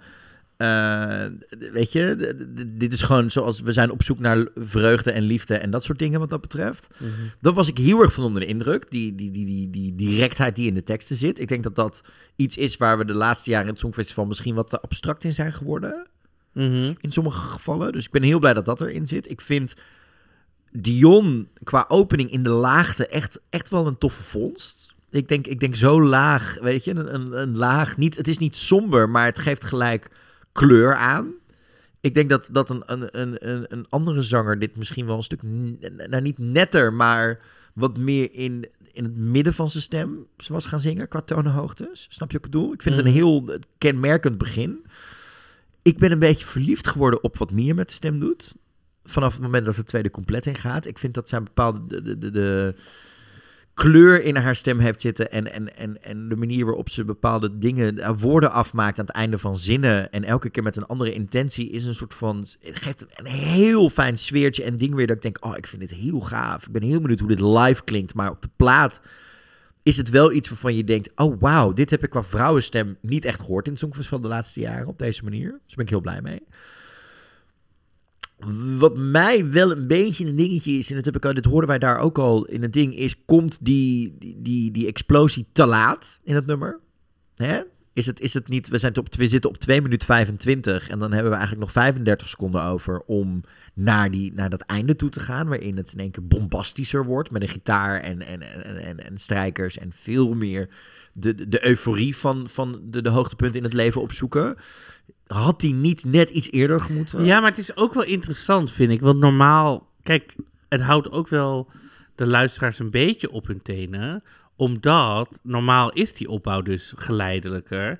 En ze hebben dus qua, qua, qua compositie gekozen om die veel langer aan te houden. En pas te kiezen voor een late explosie. En, en Mia, Werkt, dat, werkt dat met een kijker? Nou ja, kijk, iedereen... Ze moeten toch het hele Songfestival kijken. True, maar je hebt momenten dat je denkt, oh, dit, dit gaat deze kant op. En sta je dan niet net in de keuken omdat je het hebt afgeschreven dat het in datzelfde begintempo blijft? Dat is, nee, dat, is vind ik niet, want dat is, dit nummer is daar denk ik te interessant voor. En ik, als ik dan een beetje denk naar het creatieve team van Nederland... Ja. Eh, En qua, qua marketing weten we onszelf de laatste jaren echt wel wat in de, in de, in de kijkers te, te werken. zeg Oh, daar had ik nog niet eens aan gedacht. Snap je? Dus mensen punt. weten, kijk, mensen weten inmiddels, en ik zag al wat reacties op YouTube, dat, oh, Nederland is die jaar gewoon al kwalitatief gewoon heel sterk. Dus mensen willen gewoon zien wat wij doen. Ja. Ze verwachten niet van ons dat we een saai nummer... Ik denk in 2010 dat mensen dachten, oh, het is weer zo'n saai nummer van Nederland. Dit zijn weer de drie J's. We gaan even plassen, ik ga even nootjes halen, ik ben zo terug. Nu weten ze dat wat wij maken is gewoon een goed nummer. Dus Ja. ik denk dat wij creatief gezien met dit nummer, met visuals en met hoe we ons aan marketing van tevoren al in de kijker weten spelen, denk ik dat mensen ons interessant genoeg vinden om echt wat nummer uit te zitten van drie minuten. Ja, oké, daar heb je me mee overtuigd. Ehm, en hier hadden, we het, hier hadden we het net in de voorbespreking over, in de 10 minuten dat we even aan het Ik bijkletsen wil het waren. zeggen, je kwam binnen en de, de ding ging bijna aan, maar goed. Die lyric over God. Ja. Dit gaat een dingetje worden. Ja, het is of... Het kan twee kanten op gaan. Kijk, we hebben natuurlijk al eerder Ariana Grande gehad met God is a Woman. En dat ja, soort ja, dingen. maar dat zou ik dan... Dit is het Songfestival. Kijk, dit is of heel slim, het is of een geniale move, of het is niet zo slim. En dat ligt er een beetje aan hoe het wordt opgepakt. Kijk, in de tekst zit de, dus Mia Nicolai begint met... Hmm, I don't believe in God anymore. Dat is al dat je denkt... Ook, maar dat kan, want er zijn natuurlijk veel meer mensen die Atheïst geworden atheïst zijn, geworden zijn. ja. Of, of van ik heb geen hoop meer. Dat kan je natuurlijk een beetje zo liggen. Daarnaast zingt ze, cause where did she go? Dus dit dit is wat ik denk, oh, hmm. Kijk, het is of heel slim, want iedereen gaat erover praten. Iedereen gaat erover hebben. In elk interview, ieder interview gaat het vragen. Wat zeggen jullie hiermee? Dus of er zijn heel veel mensen die denken, yes. Of je krijgt christelijk Italië. Of je en- krijgt christelijk Italië. Oost-Europa tegen. Maar ja, is christelijk Italië ook Songfestival-fan en zit van tevoren helemaal tekstanalyse te doen? Weet ik niet, maar ik weet niet op het moment dat, dat, dat het over God en over she gaat. En je hoort dat. Of je er dan nog op stemt. Terwijl je dat misschien wel eerder had gedaan. Want we zien wat voor nummers ze dit jaar sturen vanuit Italië. Hè, met, die, die ook wel deze kant liggen. Vorig jaar stuurden ze een duet wat langzaam opbouwt met twee mensen. Was niet zo goed uitgevoerd uiteindelijk op het Songfestival. Maar dat lag aan, niet aan de Mammoet en, eh, en Blanco. Wat dat betreft. Maar ja, ik weet het niet wat dat gaat worden. Maar dat is wel een dingetje waar we denken van de gaten is, moeten gaan het, is, houden. het is een interessante tekst en ik op zich, dat het er zo in zit geschreven, is best wel goed. Love it. Nee, maar ook gewoon los, gewoon los van de boodschap die hiermee. Ja. Het is een hele goede, omdat hmm, I don't believe in God anymore is al een soort double entendre. En dan gooi je er ook nog eens een she op. Eh, en dan, ja, het is... Ik vind het heel slim. Ja. Ehm, hoor jij de invloeden van Duncan en zijn eh, tekstschrijver Jordan? Nou, ik weet niet wat eh, Jordan normaal schrijft. Dus Jordans invloeden kan ik niet zo goed beoordelen, to be honest. Nou ja, ze Eh, hebben veel geschreven van Duncans latere werk, na Arcade natuurlijk samen. Ja, ik Eh, moet Small zeggen, ik Town heb Boy, dat- Electric Live, dat soort dingen. Ik heb dat wel geluisterd, maar dat heb ik nu niet eh, zo paraat, zeg maar. Eh, ik heb dat denk ik twee keer geluisterd en eh, daarna is het... Ehm, dus ik heb dat niet helemaal paraat, maar ik hoor Duncan wel. Je hoort gewoon een aantal soort gevoelsdingen of zo. Of, nu, zit er- Gevoelsdingen, maar het is niet het trucje van Arcade herhalen. Nee, want anders hadden we een... "Ah", Of een... Dus een die, zit er, die zit nu aan het begin van de zin natuurlijk. Hè, in het refrein zit hij één of twee keer, maar die zit aan het begin van de zin en niet aan het einde van de zin. Ja, nou, en daarom vind ik het interessant. Wat ik wel... Wat op- dus mee gaan spelen. Ja, wat ik wel interessant vind in het laatste eh eh, couplet, Ja. als ze samenkomen, hoor ik Mia op een gegeven moment een ah, zo'n heel trappetje doen. Ja. En die zit best wel, nou niet weggemoffeld wil ik niet zeggen, maar ik hoop dat als ze die doet op het Songfestival live, dat ze die wat aanzet, want het is een heel tof riffje. Zo. Oh, die heb ik nog niet gehoord. Oh, dan ga ik zo direct even nog Ja, je moet hem even luisteren, want hij zit er wel in. Je hoort haar zo. Wat heb jij goed gehoord? Mhm. Ze, zit zo, ze doet dus een trapje van zes of zeven noten zo er doorheen. I love it. En het is echt een heel lekker riffje. En ik hoop dat ze die heel erg, ehm, dat ze die een beetje uitlicht of zo in de, in de live ehm, dingen. Versie? Ja, we gaan het meemaken. Ehm, want dat is ook wel een herk dat je, dat je- als je haar dan zo in beeld pakt en je hoort haar zo die... Ja. Ehm, dat en dan, heel fijn. los van wat wij muzikaal van dit nummer vinden, let's break it down. Want we zitten hier in een Songfestival podcast. Wat zijn hiermee onze kansen bij het Songfestival? Want wij zitten in de eerste halve finale op dinsdag 9 mei. Mhm. Laten we er even een kort beeld van schetsen. Dat is tot nu toe een redelijk heftige. Ik moest namelijk vanmiddag bij Radio 1 zat ik bij eh, mijn radiobestie Natasha Gibbs, al 12 jaar mijn goede vriendin, nadat ze me niet heeft dood laten gaan twee weken lang in Curaçao. Ja, Ja. ik vind Natasha Gibbs echt fantastisch. Luister, ik heb met die vrouw twee weken lang elke avond in een jeep gezeten terwijl ze stilettohakken aan zat van cliff naar cliff rijden in Curaçao. Het feit dat ik niet overleden ben, vind ik echt een wonder, want die wegen in Curaçao, die zijn nou niet echt van goede kwaliteit. Ja, even die, halve finale, hè? Maar het is echt een Dat- killer Daar halve kwam ik dus bij. Twee dingen. Ten eerste is het inderdaad wat je eerder al zei, een finale vol concepten, vol dingen met, met visies. Maar het is op één ding na allemaal uptempo. We hebben een vermoeden dat, dat Zwitserland een beetje dezelfde kant als waar wij nu mee gaan opgaan. Een Azerbeidzjan is nog een heel groot vraagteken. Dat ook. Maar wat, van wat we weten is bijna alles uptempo en zijn er heel veel bands. Ja. We hebben een Noorwegen. We hebben een Finland zit erin. We hebben Kroatië. We Zweden. hebben Zweden. waar-. Wat, wat bijna gegarandeerd een uptempo nummer wordt. Wat het ook gaat worden. Ja. Dus dat, dat, is, dat is wel wat goed. Ik ga... Het, mijn eerste reactie Echt was... een hele sterke halve finale. Hè? Het is echt Het is, een, bizar. het is een hele sterke halve finale. Mijn eerste reactie was toen ik de zaal uitliep. En Lars vroeg aan mij, wat vond je ervan? Toen zei ik, dit is de welgewenste rust en bezieling die wij zoeken in deze halve finale. Maar het is wel echt een hele sterke halve finale, wil ik nogmaals even bes- Maar als jij Twan van de Nieuwenhuizen bent, die dit jaar head of contest is en gewoon weer een running order moet gaan maken, Ja. Ben jij hier heel blij mee. Want dit is wel een ademhaling waar je iets mee kunt. Ja. Dit is even tot bezinning komen en dan weer opbouwen. En dan kun je daarna weer lekker verder, of net ervoor met KDA, met, met, met de cha-cha-cha, met, met de heftigheid, met de intensiteit. Snap je? Dit is, dit is een heel fijn adem- en rustpunt. Wat er nog niet in zat in de eerste halve finale. Want vooral de ballads zitten toch echt in de tweede halve finale wat dat betreft. Mhm. Dus dat stemt mij positief. Ja, de tweede halve finale is zo slecht vergeleken met die eerste Ja, dit is gonna be a thing this year.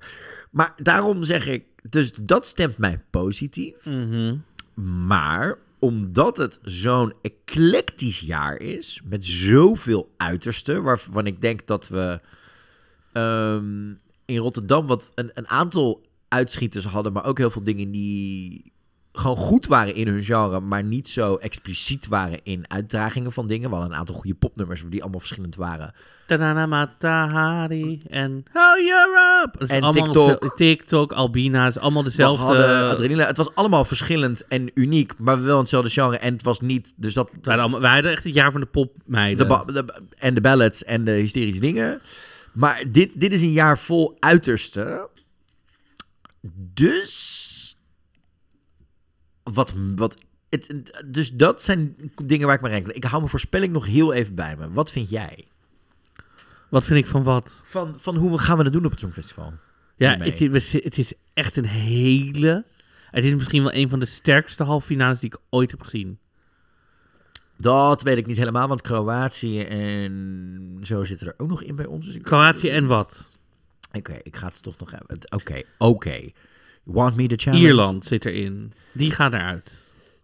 Dat zijn die Wild Youth, We Are One, Forever Together, Love It. Ja.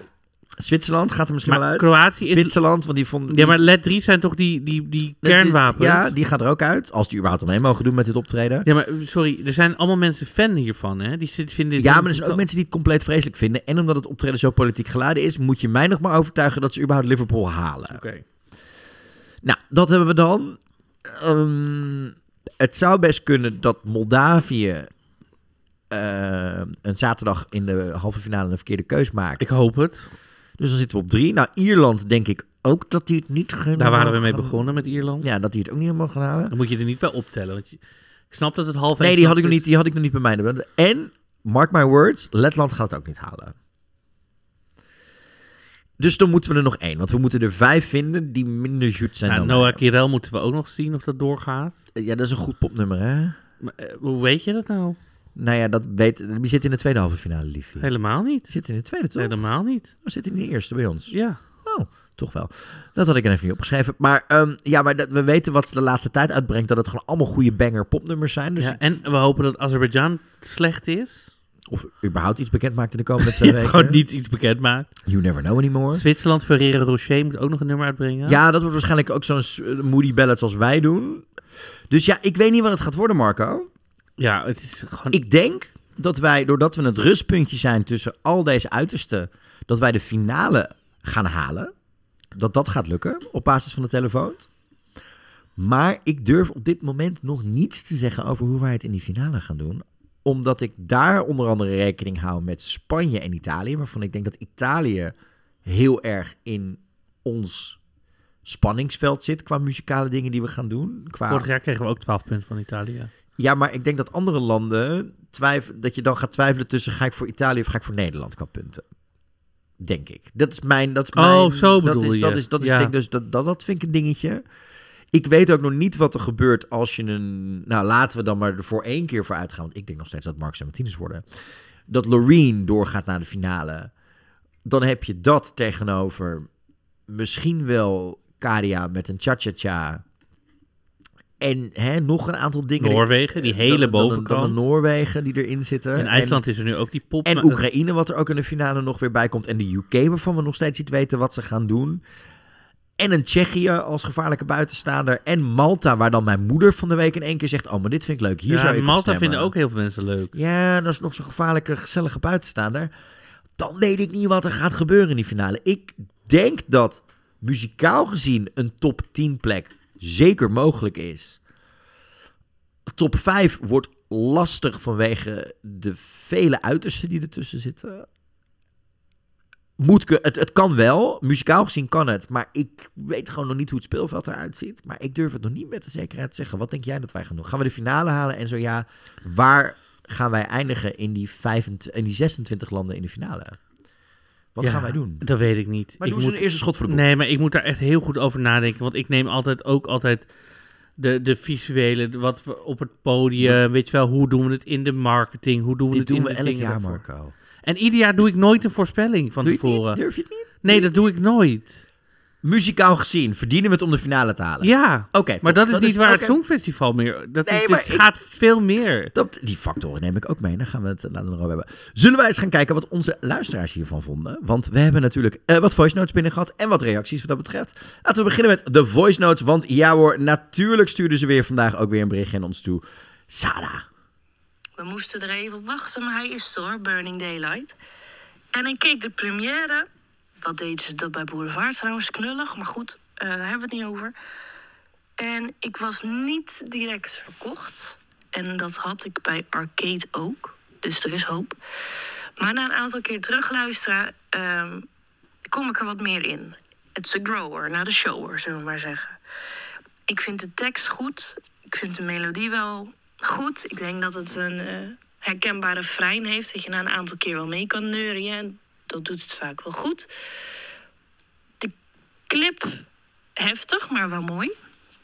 En ehm, ik denk wel een finale plekje. En de tekst I don't believe in God anymore, cause where did she go? Die mag wat mij betreft op het tegeltje. Vind ik helemaal goed.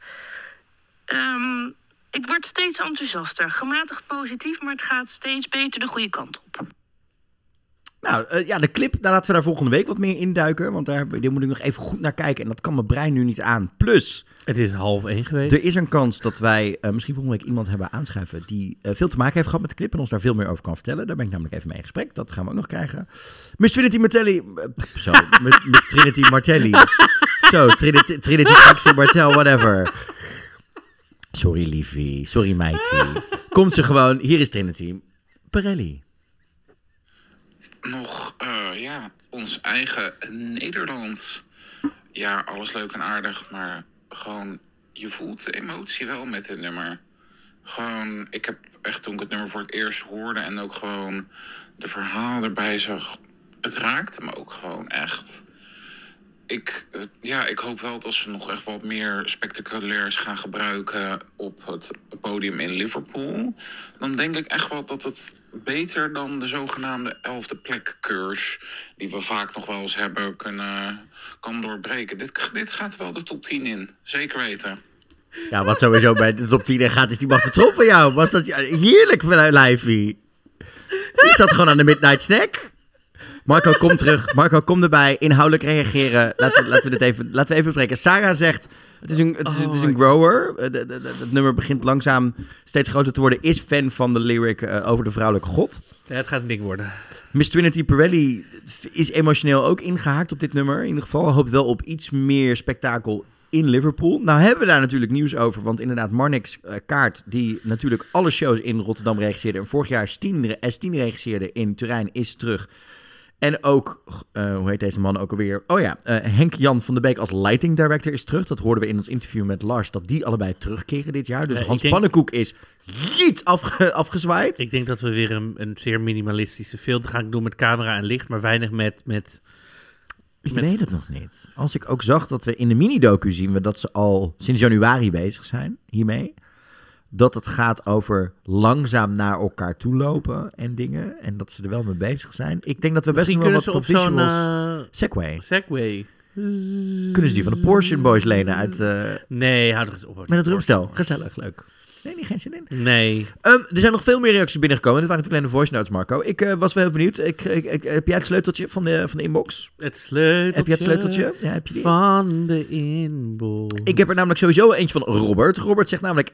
Mooi nummer, moet finale kunnen halen met goede live staging en zang. Ook wel linkerkant van het scorebord moeten kunnen halen. Ik vind dat het wel lang duurt voor het me pakt. Eigenlijk pas bij het tweede refrein, dus ik ben nog niet heel erg overtuigd. Nou, wat vind je daarvan, Marco? Pas bij het tweede refrein pakt het, Robert? Nou, f- eh, dat mag je toch vinden? Ja, maar wat, wat, wat, wat, wat, wat- ben je het met hem eens? Of je, pakt het jou eerder al? Nee, ik vind eh Dion een hele mooie stem. En zodra hij zijn mond opentrekt, denk ik, oh, Dat, wie is dit?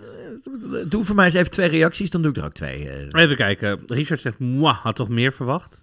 En Moes Reis zegt, ik vind het een goed nummer. Ik hoop een strakke, sterke en simpele staging erbij. Nou ja, dat zei ik net. Nou, Lou is echt een soort van... Ik ben even de weg kwijt wat deze man zegt. Want Lou zegt... Nou, winnen gaan we niet. Hopelijk halen we wel de finale. Riley uit Denemarken gaat hoger scoren. Lou. Liefie. Je mag nooit meer mijn Instagram lenen. Liefie. Je bent gekend. Liefie. Hanna zegt, mooi nummer. Stemmen passen goed bij elkaar. Goede videoclip. Ben benieuwd hoe ze dit gaan vertalen naar het podium. Maar nu, tot nu toe ben ik over de inzending best tevreden. Veel succes vanuit België. En hopelijk staan beide acts in de finale. Nou, dat is toch wel fijn dat onze buren er ook zijn. Trouwens, over onze buren gesproken. We hebben eh, een collega-podcast nu erbij uit België. Ga ik het zo nog even over hebben. Merel die zegt, mijn verwachtingen zijn niet ingelost. Ik moet het nog even laten bezinken. Het is een mooi lied, dat zeker. Maar het komt niet echt op gang. Het blijft niet hangen. En het mist echt een refrein. Jelle zegt, generic popsong. Wel lekker, maar een beetje te herkenbaar. Het voelt gewoon niet heel erg origineel. Jatoe zegt, ik vind ze zo goed en gun ze alles. Maar ik vind het saaier dan saai. Finale? Ik weet het niet. En Myron zegt, ben erg teleurgesteld. Het is prachtig, maar het blijft niet hangen. Helaas weinig pit erin. Niels, die trouwens de bonusinzending van deze week heeft eh, voor de bonusuitzendingen, dus een inzending in heeft ingestuurd, zegt matige song. Matthias zegt de voorstelling had meer om het lijf dan het lied. Geen fan.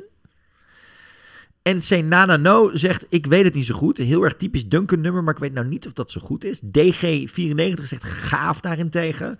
Mike zegt toffe track, past in de huidige tijd. Live en staging zijn wel mega belangrijk wat dit betreft.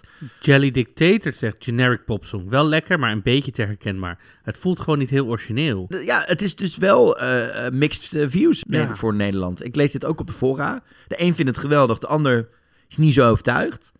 De internationale fans op YouTube zijn trouwens wel heel erg fan hiervan. Dus dit, dit, dit is niet de overload aan positieve reacties die we vorig jaar hadden op de diepte.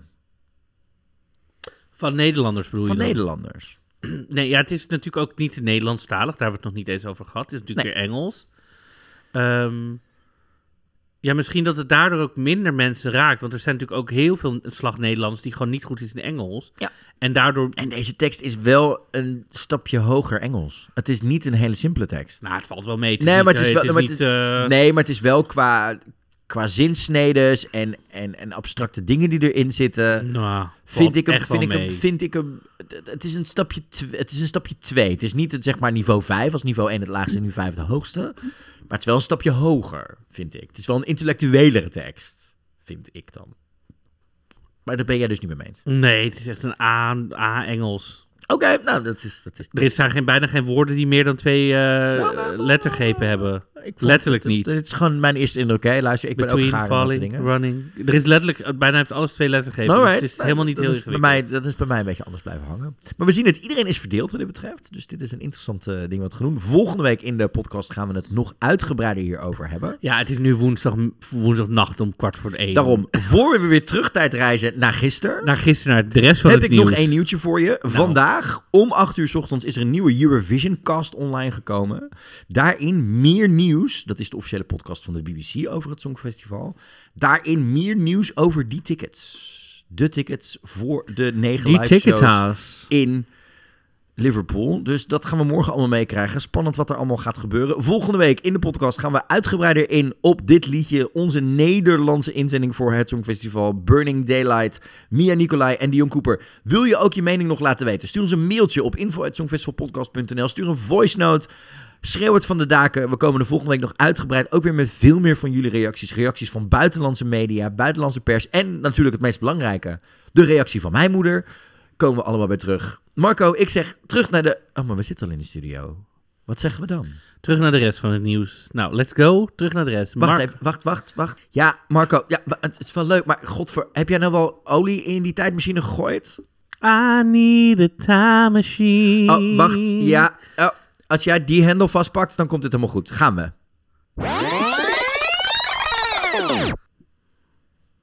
Nou, Marco, wat zijn we enthousiast, hè? Ja, ga ik, Nou, ik ga nou Marco, wat zijn we teleurgesteld. Hè? Ja, ik denk, neem even allebei de opties op. Zo kan dat in een podcast, hè? Nee, natuurlijk niet. Ik, heb, ik vind dit heel grappig, want we gaan dus nu verder met de rest van de Ja, we podcast. hebben geen idee wat we hebben gevonden. We hebben geen idee wat we hebben gevonden. Dus het is gewoon een soort Back to the Future-achtige... Back to the Future. Wie is dan die gekke dokter en wie is dan Marty?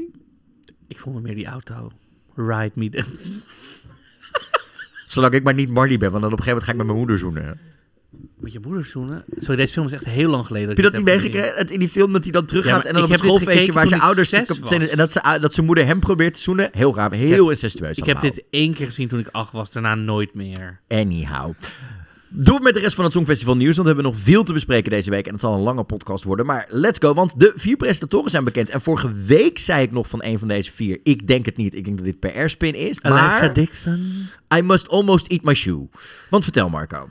Ja, want eh, de vier presentatoren zijn bekend. Het gaat om Alicia Dixon, Hannah Waddington en Julia Sanina en Graham Norton. Zeker. Ze nemen de presentatie van de finale van het Eurovisie Songfestival in Liverpool voor hun rekening. En in de halve finales is Norton geen, is Norton geen presentator. Ehm, want dan is de Oekraïense Songfestival-commentator en presentator Timur Moshrinichenko. Ja, klopt. Eh, eh, die zal ook te zien zijn tijdens de uitzendingen. Samen met Sam Quack zal hij ook de presentatie van de openingsceremonie zondag 7 mei presenteren. Ja, en Timur is natuurlijk ook bekend van de, ehm, de, de, de- dat hij dit jaar, dus vorig jaar het Songfestival eh, de commentator gaf vanaf een schuilkelder hè, in. Ja, eh, dat in- dingen. ja. En de viral reactie die hij gaf toen dat Kalush Orchestra uiteindelijk het Songfestival won. Ja. Dus eh, ja, wat vind je van deze presentatoren? Eh, nou ja, Alicia Dixon. Ik zal even misschien voor de mensen... Alicia Dixon. Ali, Al- Alicia? Alicia. Alicia. Ja. Dixon is de laatste jaren voornamelijk bekend. Ik zal voor de mensen denken, wie de fuck zijn al deze mensen? Ze, eh, bekend van het jureren van Strictly Come Dancing en Britain's Got Talent. Maar ze heeft ook een muzikale carrière. Ze presenteerde ook onder andere andere programma's op de BBC. Ja, Graham Norton, moet ik die nog helemaal... Hij heeft zijn eigen talkshow. Hij is al jarenlang de commentator van het Songfestival. Hij is Mr. Eurovision in de UK, zeg maar. Ja. Ehm, Julia Sanina is de Oekraïense presentatrice.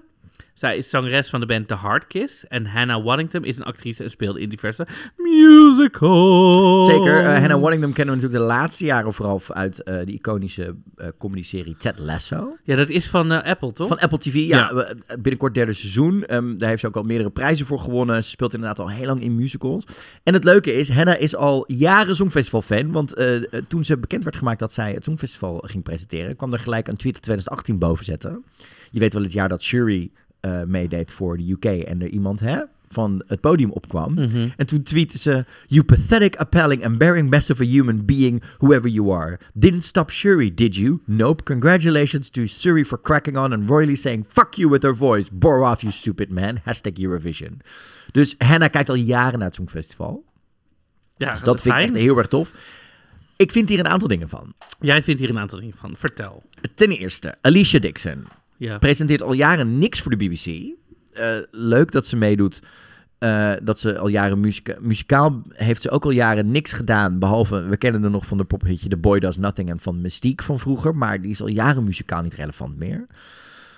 Mhm. Dan vind ik dan toch weer dingen van dat zij op een of andere manier ik, via een of andere PR-molen waarschijnlijk hier ingekomen is. Ook omdat ik, en dan moet ik heel eerlijk zijn, ja, je zal iets met diversiteit moeten. eh, want eh, zeker in eh, Engeland zijn er jaren, de laatste jaren veel meer black talent wat op televisie verschijnt, bewust ook en dat soort dingen. Maar dat zij dan degene is in plaats van een AJ Odudu of whatever, vind ik echt dat ik denk, En ik vind haar ook niet een presentatrice die heel goed, die heel erg gepresenteerd heeft. Ze heeft vooral gejureerd of zo. Maar ze heeft natuurlijk volgens mij, volgens mij wel iets, een talentje gepresenteerd in, bij de BBC. Maar dat ik dacht, oh, is dit dan de, oh.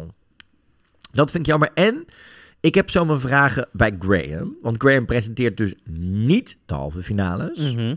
En bij de finale doet hij en dit en gedeeltelijk het commentaar. En het andere gedeelte van het commentaar wordt overgenomen door Mel Giedrich. eh, die je onder andere kent van The Great British Bake Off vroeger. Want dat presenteert ze ook al niet meer. Maar is Britse comedienne en presentatrice. En dat vind ik ook wel een soort van raar. Want we vinden Graham zo lekker. Omdat hij altijd zo lekker filijn zijn eigen mening heeft over het Songfestival. Als hij nu half het commentaar gaat doen en half gaat presenteren. Wat bijvoorbeeld eh, Terry Wogan in het verleden ook wel eens gedaan heeft. Dan kun je niet het enige seconde de grote Ja. scheidsrechter van de show. Welcome to Eurovision. En vervolgens er gaan zitten. Nou, dat was misschien niet zo goed, hè? Nee. Op zijn manier. Dus het is een soort van rare... Het is hetzelfde als, als Jan in één keer elke keer zou Maar aanschuiven. Jan heeft toch ook een jaar gewoon zijn stoel even opgegeven? Dat. Je had toch prima kunnen zeggen, hey. En dat is misschien wel de reden dat sommige mensen denken dat het misschien wel het laatste jaar is voor Graham. En dat Graham het stokje gaat doorgeven wat dat betreft. Maar waarom? Omdat hij dus nu dit op zo op deze Nee, maar dan kan manier je één keer nu iemand laten testen. Dan had je volgend jaar nog één keer samen met die persoon gedaan. Mel. Had je, had je daarna kunnen overgeven. Mel. Mel gaat het nu Ik weet niet wie Mel doen. is. Mel Giedrich. Zij is, de, zij is dus degene eh, die het met hem genoemd. Zij is een Britse comedienne. En eh oud-presentatrice van The Great British Bake Off. Lekker scherp en grappig. Wat ook. heeft zij met het Songfestival? Weet ik niet. En dit is ook alleen weer voor de finale, hè? want de halve finales wordt gedaan door Rylan en Scott Mills, gewoon as usual. Dus wat dat betreft, eh, we gaan het zien en meemaken. Maar ik was niet, ik had, dit was wel de eerste keer dat ik dacht, oh, ik had meer verwacht. Ik had verwacht dat je misschien wel in plaats van Alicia Dixon een, een Mel B of een, of, of een Emma Bunton er neer had gezet. Of als je kijkt naar... Maar ja, en dit is ook trouwens een ding, al, al jaren volgens mij. Als we het hebben over diversiteit, het zijn altijd slanke mensen. Dat. Ehm, wat ik ook mis is bijvoorbeeld, en dat heb ik wel hardop ook al op Twitter gezegd, en daar krijg ik heel veel bijval over, is ik mis de jongere generatie in dit eh, kwartet. Kijk, dat we van Italië daar niks, over, niks van te, hoefden te verwachten, so be it. Maar als je kijkt naar wat Nederland deed met Nicky, Nicky kwam van de online wereld, zou online host worden. Toen kwamen ze erachter wat voor presentatietalent ze was, want op dat moment had ze nog geen televisieprogramma's gepresenteerd natuurlijk. Mhm. En dachten ze, nee, we gaan die promoten. En daar zat ook een heel online plan achter. Vanaf het begin dat Nicky werd aangekondigd is het... we gaan de Look Labs doen, we gaan dit doen, we gaan dat doen. We gaan dingen op TikTok doen. We hebben Samia Hila ehm, die backstage allemaal dingen gaan doen. We hebben Rutger die allemaal ba- backstage dingen gaan doen. Er werd daar een heel online plan aangekondigd. En dat hele element schijnt door Turijn een beetje allemaal verdwenen te zijn. Ik had wel verwacht, zet er een jong fris talent bij, waarmee je de jongere generatie die er overduidelijk nu is, die via TikTok, Spotify, Instagram overduidelijk het Songfestival en Twitter het Songfestival instroomt, weer is gaan kijken, het interessant vindt, groot fan is van niet alleen de wedstrijd, maar ook bepaalde artiesten die elk jaar meedoen en dat soort dingen. Waarom staat er niemand uit hun generatie hier op het podium die ze herkennen, waarvan ze denken tof, tof dat diegene zo'n kans krijgt en dat er ook online formats voor bedacht worden, zeker vanuit de BBC, die qua rest qua media dingen zo vooruitstrevend bezig is. Dat ik denk, hier heeft de BBC wat mij betreft echt wel een beetje de bal laten vallen wat dat betreft. Ja, ik heb geen idee. Ik vind, ik bedoel, Graham ken ik dan en Alicia ken ik dan. Ik vind Alicia altijd gezellig. En Graham denk ik, ja, dat is Mr. Eurovision. Ja, maar we missen toch iemand van de jongere generatie die hier dan maar er ook is ook nog niks wa- die dat online gaat doen. Nee, dat is nog niet bekendgemaakt. Maar ik denk juist die combinatie van dat uiteindelijk diegene ook de host was in de show, maakte Maar dat was bij Nicky natuurlijk ook niet het originele plan. Nee. Het zou online host worden. Ja, maar toen hebben we Love Shine a Light gehad en toen werd ze... En die kans hebben ze natuurlijk niet bij de BBC. Nee, maar ik vind het wel jammer dat we niet, dat we, dat, dat, dat, dat we niet op die manier vooruitstrevend bezig zijn met nieuw presentatietalent die kans gunnen. Vanuit de online community. Wil Jij weet het ook als, als content creator en influencer. Er zijn genoeg mensen in dat veld die uiteindelijk doorstromen naar bijvoorbeeld televisie en dat ontzettend goed kunnen kan presenteren. Je hebt ook hele toffe video dingen gepresenteerd. Eh, Je presenteert ook zelf meer op je YouTube kanaal tegenwoordig. Dat soort mensen moeten we de kans gunnen. En daar is dit het mooiste platform ter wereld voor. En je geeft een nieuwe jonge generatie ook iemand die ze herkennen op dat podium. En dat vind ik gewoon jammer dat dat er niet in zit. Maar het zou misschien nog kunnen komen online. Ja, maar dus niet als presentator. En dat vind ik heel jammer. Dat is dus mijn klacht. Want dat is iets wat we Rotterdam ja, maar daar moet er wel hebben. iemand heel geschikt zijn voor. En die zijn er genoeg in Engeland. Trust me, er is genoeg online talent wat nu doorstroomt. Ook bij de Brits, bij de, bij de rode lopers en dat soort dingen. Van ik denk, ja, die hadden dit Maar wie, dus wie had je eruit geknikkerd? Alicia. Ik had Alicia eruit geknikkerd. En dan een jong, jong... Fris, talent. Iemand van kleur. Zeker iemand van kleur. Jong plus size, iemand van kleur. Moeten alle diversiteit zien in één persoon dan? Maakt dat uit? Moet je er nog een aantal uitknallen? Juist, dat maakt me niet uit. Als, als iemand zo multifaceted is en al die invloeden mee kan nemen en daardoor een hele goede host kan zijn, why the F not? I Ja, love het is it. natuurlijk wel heel veel mensen die kijken, dus het moet gewoon goed gebeuren. Dus ik snap dat je misschien niet dat risico wil nemen met iemand die nul ervaring Nou ja, vorig jaar namen ze ook een risico met, met Mika en, en Laura Pagini. Dus wat dat betreft... Dat is ook ellendig afgelopen. Daarom, dat bedoel ik. Dus een risico kun je altijd nemen. Maar dat is dus onze host voor dit jaar. Ja, en er kwam natuurlijk nog meer nieuws uit de UK, Marco. Want eh, er zijn ontzettend... Het is nieuw nieuws over tickets. Nog niet over de ticketverkoop. Maar er zijn tickets vrijgezet voor een speciale groep, toch? Ja, er is voor. eh, we, zitten natuurlijk. We, we zitten in het UK omdat er oorlog is in Oekraïne en we het daar niet kunnen organiseren. En er zijn natuurlijk heel veel Oekraïners gevlucht voor de oorlog, die dus momenteel wonen in. Eh, ik wil zeggen in Oekraïne, maar in Engeland, in de United Kingdom. Of die daar eh, al wonen. Maar er zijn dus kaartjes beschikbaar voor deze groep. Ja, 3000 tickets in totaal. Zo worden er dus, vrijgesteld voor deze Ja, groep. en ze gaan 20 pond kosten. Ja, en die tickets worden verdeeld over alle negen live shows natuurlijk. Dus dat wordt nog een verdeling inderdaad. Nu krijg je natuurlijk weer gelijk die zure, zure, zure Britten... die zeg maar tot vorig jaar nooit van het Songfestival de, alleen maar dachten dat het kut was... die gelijk op Twitter overal weer begonnen te zeuren. Hè, van ja, hoezo krijgen die tickets dan? En er zijn straks niet eens genoeg tickets voor alle Britten om erbij te zijn en bla bla bla. bla. Het is niet jullie Songfestival. Dat ten eerste. Jullie Ten- hebben niet gewonnen. ja, Dat, dat ten eerste. Ten tweede, vergeet niet, in, om, in, dit is al veel langer iets wat gaan is bij het Songfestival. Want bijvoorbeeld in Rotterdam waren er gewoon 8500 kaarten voor minima. Voor, voor mensen die erbij konden zijn. Want Ja. het Songfestival is, moet en toegankelijk zijn voor iedereen. Dus het is een Mhm. ontzettend mooie trend. Want ook voor de be- bewoners van Turijn zijn er last minute nog extra kaarten beschikbaar gekomen vorig jaar. Waarschijnlijk omdat mensen daar de repetities hadden gezien en hun kaart voor de finale hadden gecanceld. Zou ik ook doen als ik zie hoe slecht die show was en dat John het niet deed. Maar dit is, ik vind het een heel mooi eh, eh, eh, teken dat dit gaat gebeuren. En die tickets gaan dus inderdaad maar 20 pond kosten. en zullen voor alle shows beschikbaar zijn. De verdeling is nog niet bekend. Opvallend inderdaad, want meer ticketnieuws zou er eind februari komen. Nou Marco, we nemen vandaag op 28 februari op. En er is nog niks. Er is eh, vandaag door de fanclub uit de UK bekendgemaakt dat er vandaag in ieder geval nog geen nieuws gaat komen. Maar er zal later deze week misschien wel wat gaan vallen. Maar eind februari is het niet geworden. Eh, leuk om ook te vermelden. Dit zou hetzelfde zijn voor de accreditatie voor de pers. Daar stond al anderhalve maand. Eind februari gaat de accreditatie open. Gisteravond stond dat het nog. Vanochtend hebben ze het veranderd naar begin van maart. Dus er heeft iemand gedacht, oh kut, dit gaan we ook niet halen. Ja, maar misschien betekent het wel dat, ze- omdat het zo last minute pas gebeurt, van oh, misschien halen we het wel. Oh nee, er moeten toch nog wat dingen getweakt worden. Even een weekje. Wat ik begrijp als het gaat om de ticketverkoop, heeft het te maken met eh, het feit dat ze gewoon wat later. eh, Ze hebben twee maanden minder tijd gehad. Dus ze zijn ook wat later overal in de tijdlijn gaan zitten. Qua. Tuurlijk hebben we al beelden gezien van hoe het podium in een mock-up uit gaat zien. Maar dat zie je ook heel vaak bij concerten gebeuren. Is dan heb je dat mock-up gemaakt. Maar dan moeten er nog technische tekeningen gemaakt worden. En dan weet je ook later pas wat de zichtlijnen zijn. En dus hoeveel stoelen je op de eh, je overhoudt. En ook hoeveel plek je op de vloer hebt voor mensen om neer te zetten. Want wat je natuurlijk niet wil hebben, is dat je laten we zeggen, 5000 kaarten voor de vloer verkoopt. Terwijl er eigenlijk maar 4500 man in past. En dan sta je allemaal hutje-mutje op elkaar zonder bewegingsvrijheid. En dat wil je ook niet hebben. Dus dat vanwege die reden het wat langer duurt. Totdat we iets over de ticketverkoop weten. Omdat ze dus dan, wat ik vorige week tussen neus en lip begrepen, ook de sponsors nog niet 100% wisten hoeveel tickets ze zouden krijgen. Dus dat het, dat het, echt, dat het echt te maken heeft met technische. Ja, wie, inplanning. wat, waar, wanneer, hoeveel, ja. Dus, maar dat schijnt er dus wel aan te komen.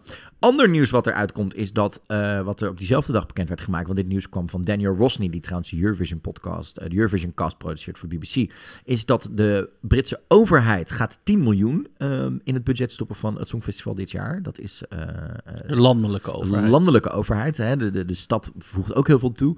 Opvallend is, Turijn in het jaar was alleen ehm, de stad die geld gaf. De Italiaanse overheid is daar niet bij gesprongen. In Nederland is natuurlijk eh, de overheid uiteindelijk voor 12,4 miljoen ook bijgesprongen. Dus dit Mhm. is, eh, het, het hoeft niet.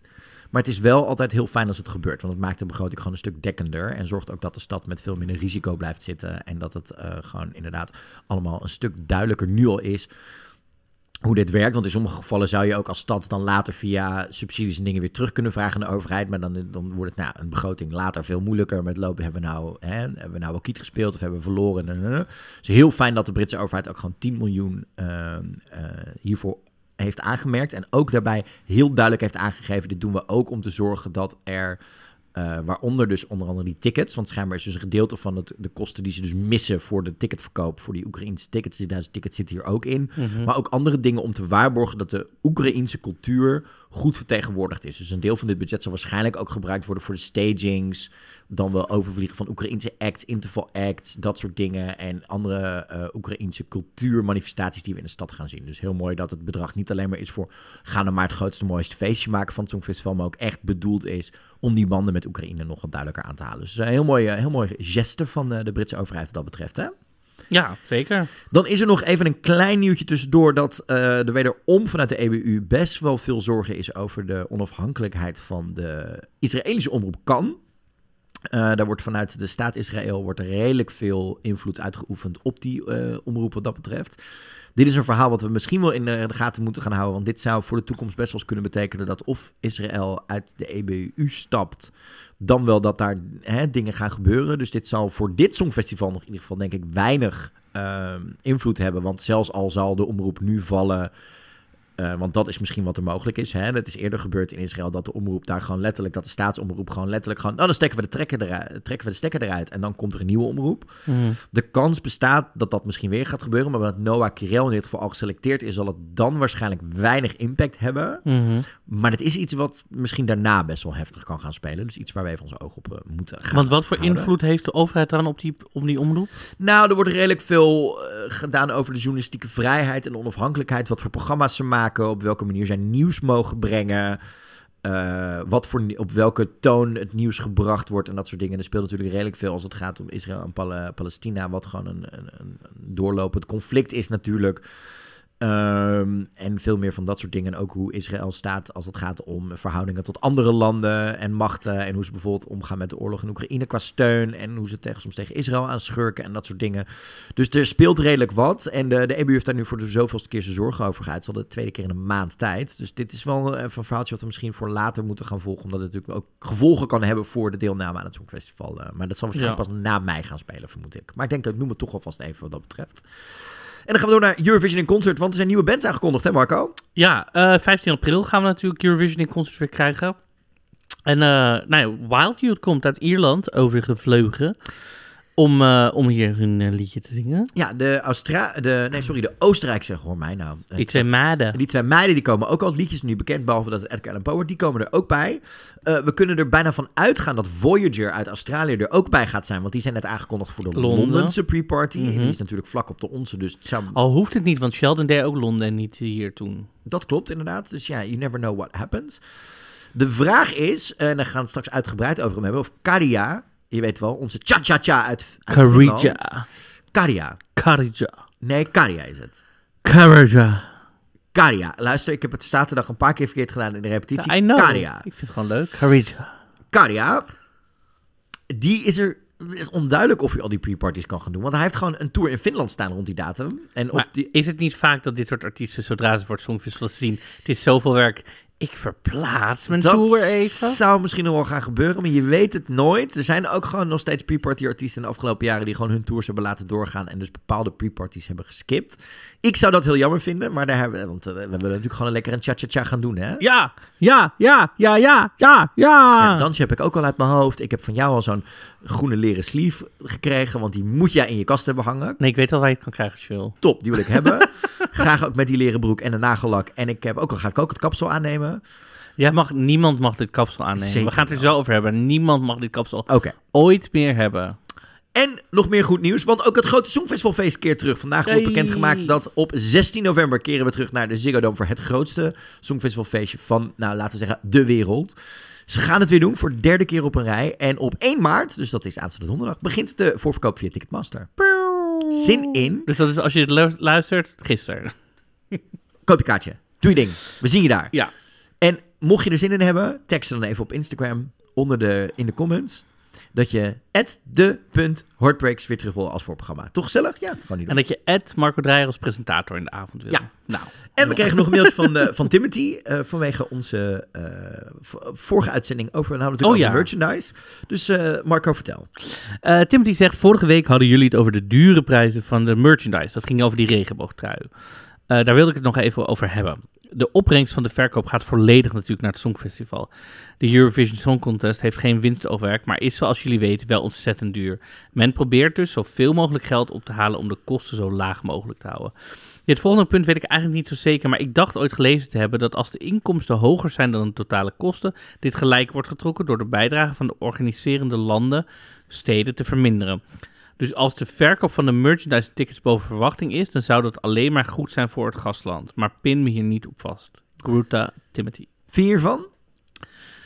Eh nou ja, het is natuurlijk wel zo inderdaad, dat, we hebben het er ook al over, dat er zijn natuurlijk landen met minder budget en landen met meer budget. Dus als dit ervoor zorgt dat je het meer gelijk kan trekken door te zeggen, oh, we, we kunnen wat kosten, want er zijn gewoon he- het kost heel veel om mee te doen. Ja. Dan vind ik het prima, maar ja, moet je dan die kosten bij, bij ja, het is natuurlijk een extraatje wat je koopt. hè. Het is niet een soort verplichting, verplichting om merch te kopen. Je Nee. kan ook een, als je een aandenken wil, kun je kan ook een boekje kopen of je kan ook een, je hoeft niemand zegt dat je een trui moet. Nee, maar dat blijft erbij dat die prijzen exorbitant zijn. 75 euro voor een trui.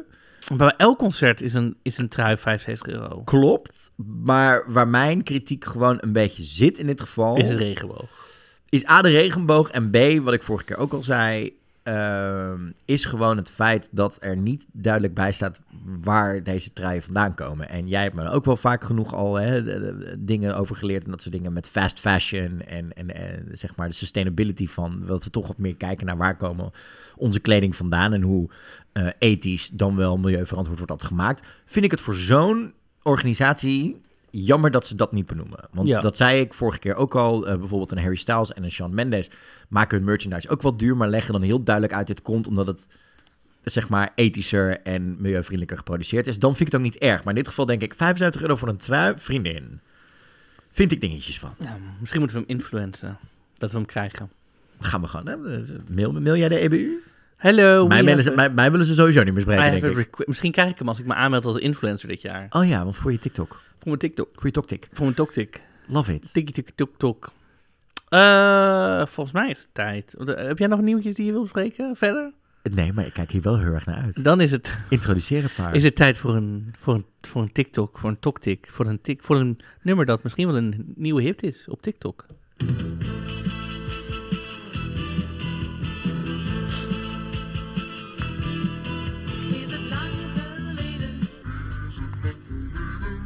Dat betwijfel ik. Maar het, Is het lang geleden? het is zeker... mm, eh, lang is relatief wat dat betreft. Maar we zijn in 1995. Oké. We zijn in Dublin. Mhm.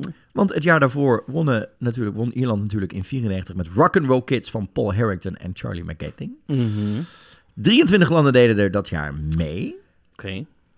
Ehm, Estland, Finland, Litouwen, Nederland, Roemenië, Slowakije en Zwitserland deden niet mee. Eh, daarom kwamen België, Denemarken, Israël, Slovenië en Turkije weer terug. Hè? Want we werkten toen met het systeem, als je te laag eindigde, mocht je niet mee, mochten de andere landen voor terugkomen. Winnaar dat jaar was Noorwegen, met het liedje Nocturne. Nocturne. Zeker. Spanje, Zweden, Frankrijk en Denemarken maakten de top 5 uit dat jaar. Maar naar die liedjes ben ik niet op zoek. Zweden, Denemarken En Spanje. en Spanje is de top 5. Ja, en Frankrijk. En Frankrijk. Daar ben ik niet naar op zoek. Ik ben niet op zoek naar een liedje in de top 5. Ik ben namelijk op zoek naar het liedje wat als zesde moest optreden. Mhm. En ik ben op zoek naar het liedje wat uiteindelijk als zeventiende eindigde dat jaar. Het is een liedje gezongen door een man in de taal van dit land. Mhm. Ehm, het liedje kwam uit een interne selectie. Er was een publieke selectie ehm, georganiseerd voor eh, mensen uit dit land om mee te gaan doen. Dat evenement heeft plaatsgevonden, maar de jury kon niet eens worden bij die selectie wie het uiteindelijk ging worden. En toen zijn ze dus intern gaan selecteren. Toen was er iemand, een band gekozen. Die zijn weer teruggetrokken omdat ze het niet konden financieren. En toen is deze man gekozen. Dit klinkt als Duitsland of zo. Zeventiende zijn ze geworden met 17 punten. Dit is de ehm, tweede keer dat dit land meedoet. Want in eh 94 debuteerden ze. Litouwen? Nee, dat is niet waar. En nog eens even kijken wat ik hier nog meer van over kan zeggen. Nou, dit liedje, deze, deze tekst is ook nog wel redelijk hysterisch. Want het is een dramatische ballade met een gigantische metafoor erin. Er wordt namelijk gezongen richting een vulkaan. Er wordt namelijk gezegd, je moet terugkeren naar common sense en naar blijdschap. En vergeet wat je al eeuwen naar ons dreigt. Het heeft er ook mee te maken dat, dat, dat, dat er wordt ook tegen de vulkaan gezegd, stop met deze oorlog voeren en ons bedreigen. Is het eh, Italië met werd Calm Down vijfde- Vesuvius? Het werd als vijfde werd het eh opgevoerd. Italië met Calm Down Vesuvius. Nee, het wordt opgevoerd door een redelijk markant persoon in het Songfestival. Die we eh, jaren daarna ook echt nog wel vaak terugzien bij het Songfestival. Cornel Maas. Nee, Oh. Nee, ik, heb, ik weet niet eens welk land. Ik heb geen idee. het gaat om Rusland. Geen idee. Het gaat om Rusland. Het gaat namelijk om Filip Kirikov met Kolibelnyana Dlai Volkana.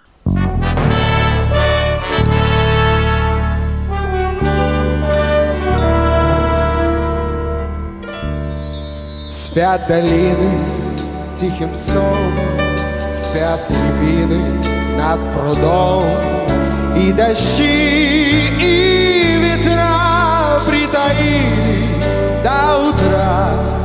Спит великий океан, Только ты один вулкан, Огнегривый старик, Не умолкнешь ни на миг, Слушайся доверчиво Голос человечества.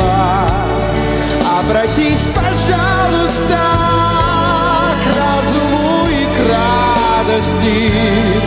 Навсегда забудь вулкан Чем грозил былым векам Ты тиранить миру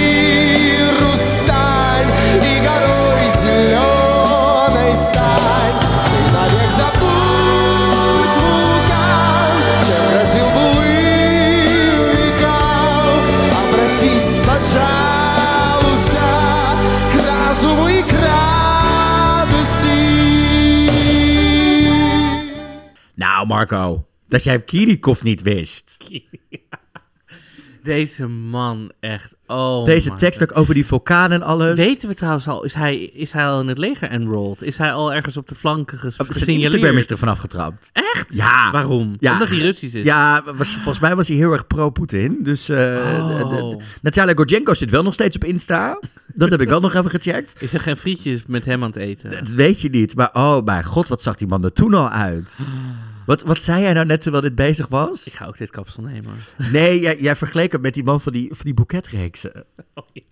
Hoe heet het ook weer? Fa- Eh, Fabio. Fabio. Fabio. De Russische Fabio. Oh, bij deze tekst ook en alles. Ik had echt iets. Ja, ik was, ik was deze week geïnspireerd door. dat Ik tik dan 1995 in. Gewoon, ik was even gewoon met mijn Ouija-board van. Oh, dit jaar vind ik leuk. En ik was door die inzetting aan het scrollen. Toen dacht ik. Oh, Philip Kirikov deed mee. Dit gaan we eens gebruiken. Dit is echt, nou ja. Deze Philip- tekst ook en alles. Nou, vriendin, dit was me toch wat. Maar het staat er dus nog steeds 2-1. En daarmee zijn we aan het einde van deze aflevering van eh, Dingedong gekomen. Veel besproken over de Nederlandse inzending. Zeker. Ik denk dat we daar volgende week nog uitgebreid op terug kan komen als we eh, meer weten over een aantal andere inzendingen voor de eerste halve finale, maar ook wat de rest van de wereld van deze inzending vindt. Ja. En eh, er zit nog veel meer leuks aan te komen qua Songfestival. We hebben er ontzettend veel zin in. En eh, ja, het was echt voor mij wel... Ik vond het leuk, ik vond het aardig, maar ik ben wel moe vandaag. Ja, ik kan me voorstellen. Ik moest even weer wennen aan dit hele Songfestival. eh, dat het zo... Dat het zo het is- ik was even, het, het is toch elk jaar een soort van, dan kom je weer terug in die wereld, in die wervelwind die het Songfestival wereldje is. En dan denk ik, oh ja, dit is het.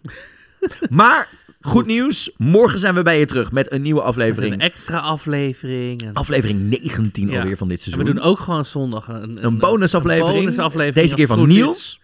Dus dat komt helemaal goed. Komt helemaal goed, maar morgen bespreken morgen we dus alle nieuws. landen die er zijn. Want we bespreken morgen onder andere Finland, Finland, de chaos van San Marino, Australië, Australië, Polen. Nou, Polen, daar zijn we, mogen, kunnen we wel even voor uittrekken. Want mijn goede, wat daar allemaal aan de hand is. Dus, ik heb ook nog eh, nieuws over de chaos die Griekenland is. Natuurlijk bespreken we Queen Loreen. En veel en veel meer. Dat komt allemaal goed. Morgen dus in je podcast app. Thanks voor het luisteren. Thanks voor al je reacties en volgers en dat soort dingen. Tot morgen. Vergeet ons niet ook nog even te, in je agenda te zetten. Dinsdag 14 maart gaan wij onze inbelaflevering doen. Om 19 uur, s'avonds 7 uur. We zitten dan met ons lijntje voor je open. Dit was Dingedong, de Nederlandse podcast over het Songfestival. Vergeet ons niet te mailen op info.songfestivalpodcast.nl of te volgen op Eurovision Podcast op Instagram. Dit was Dingedong, de podcast met... Marco Dreyer. En met Gea Kooijman. Tot morgen.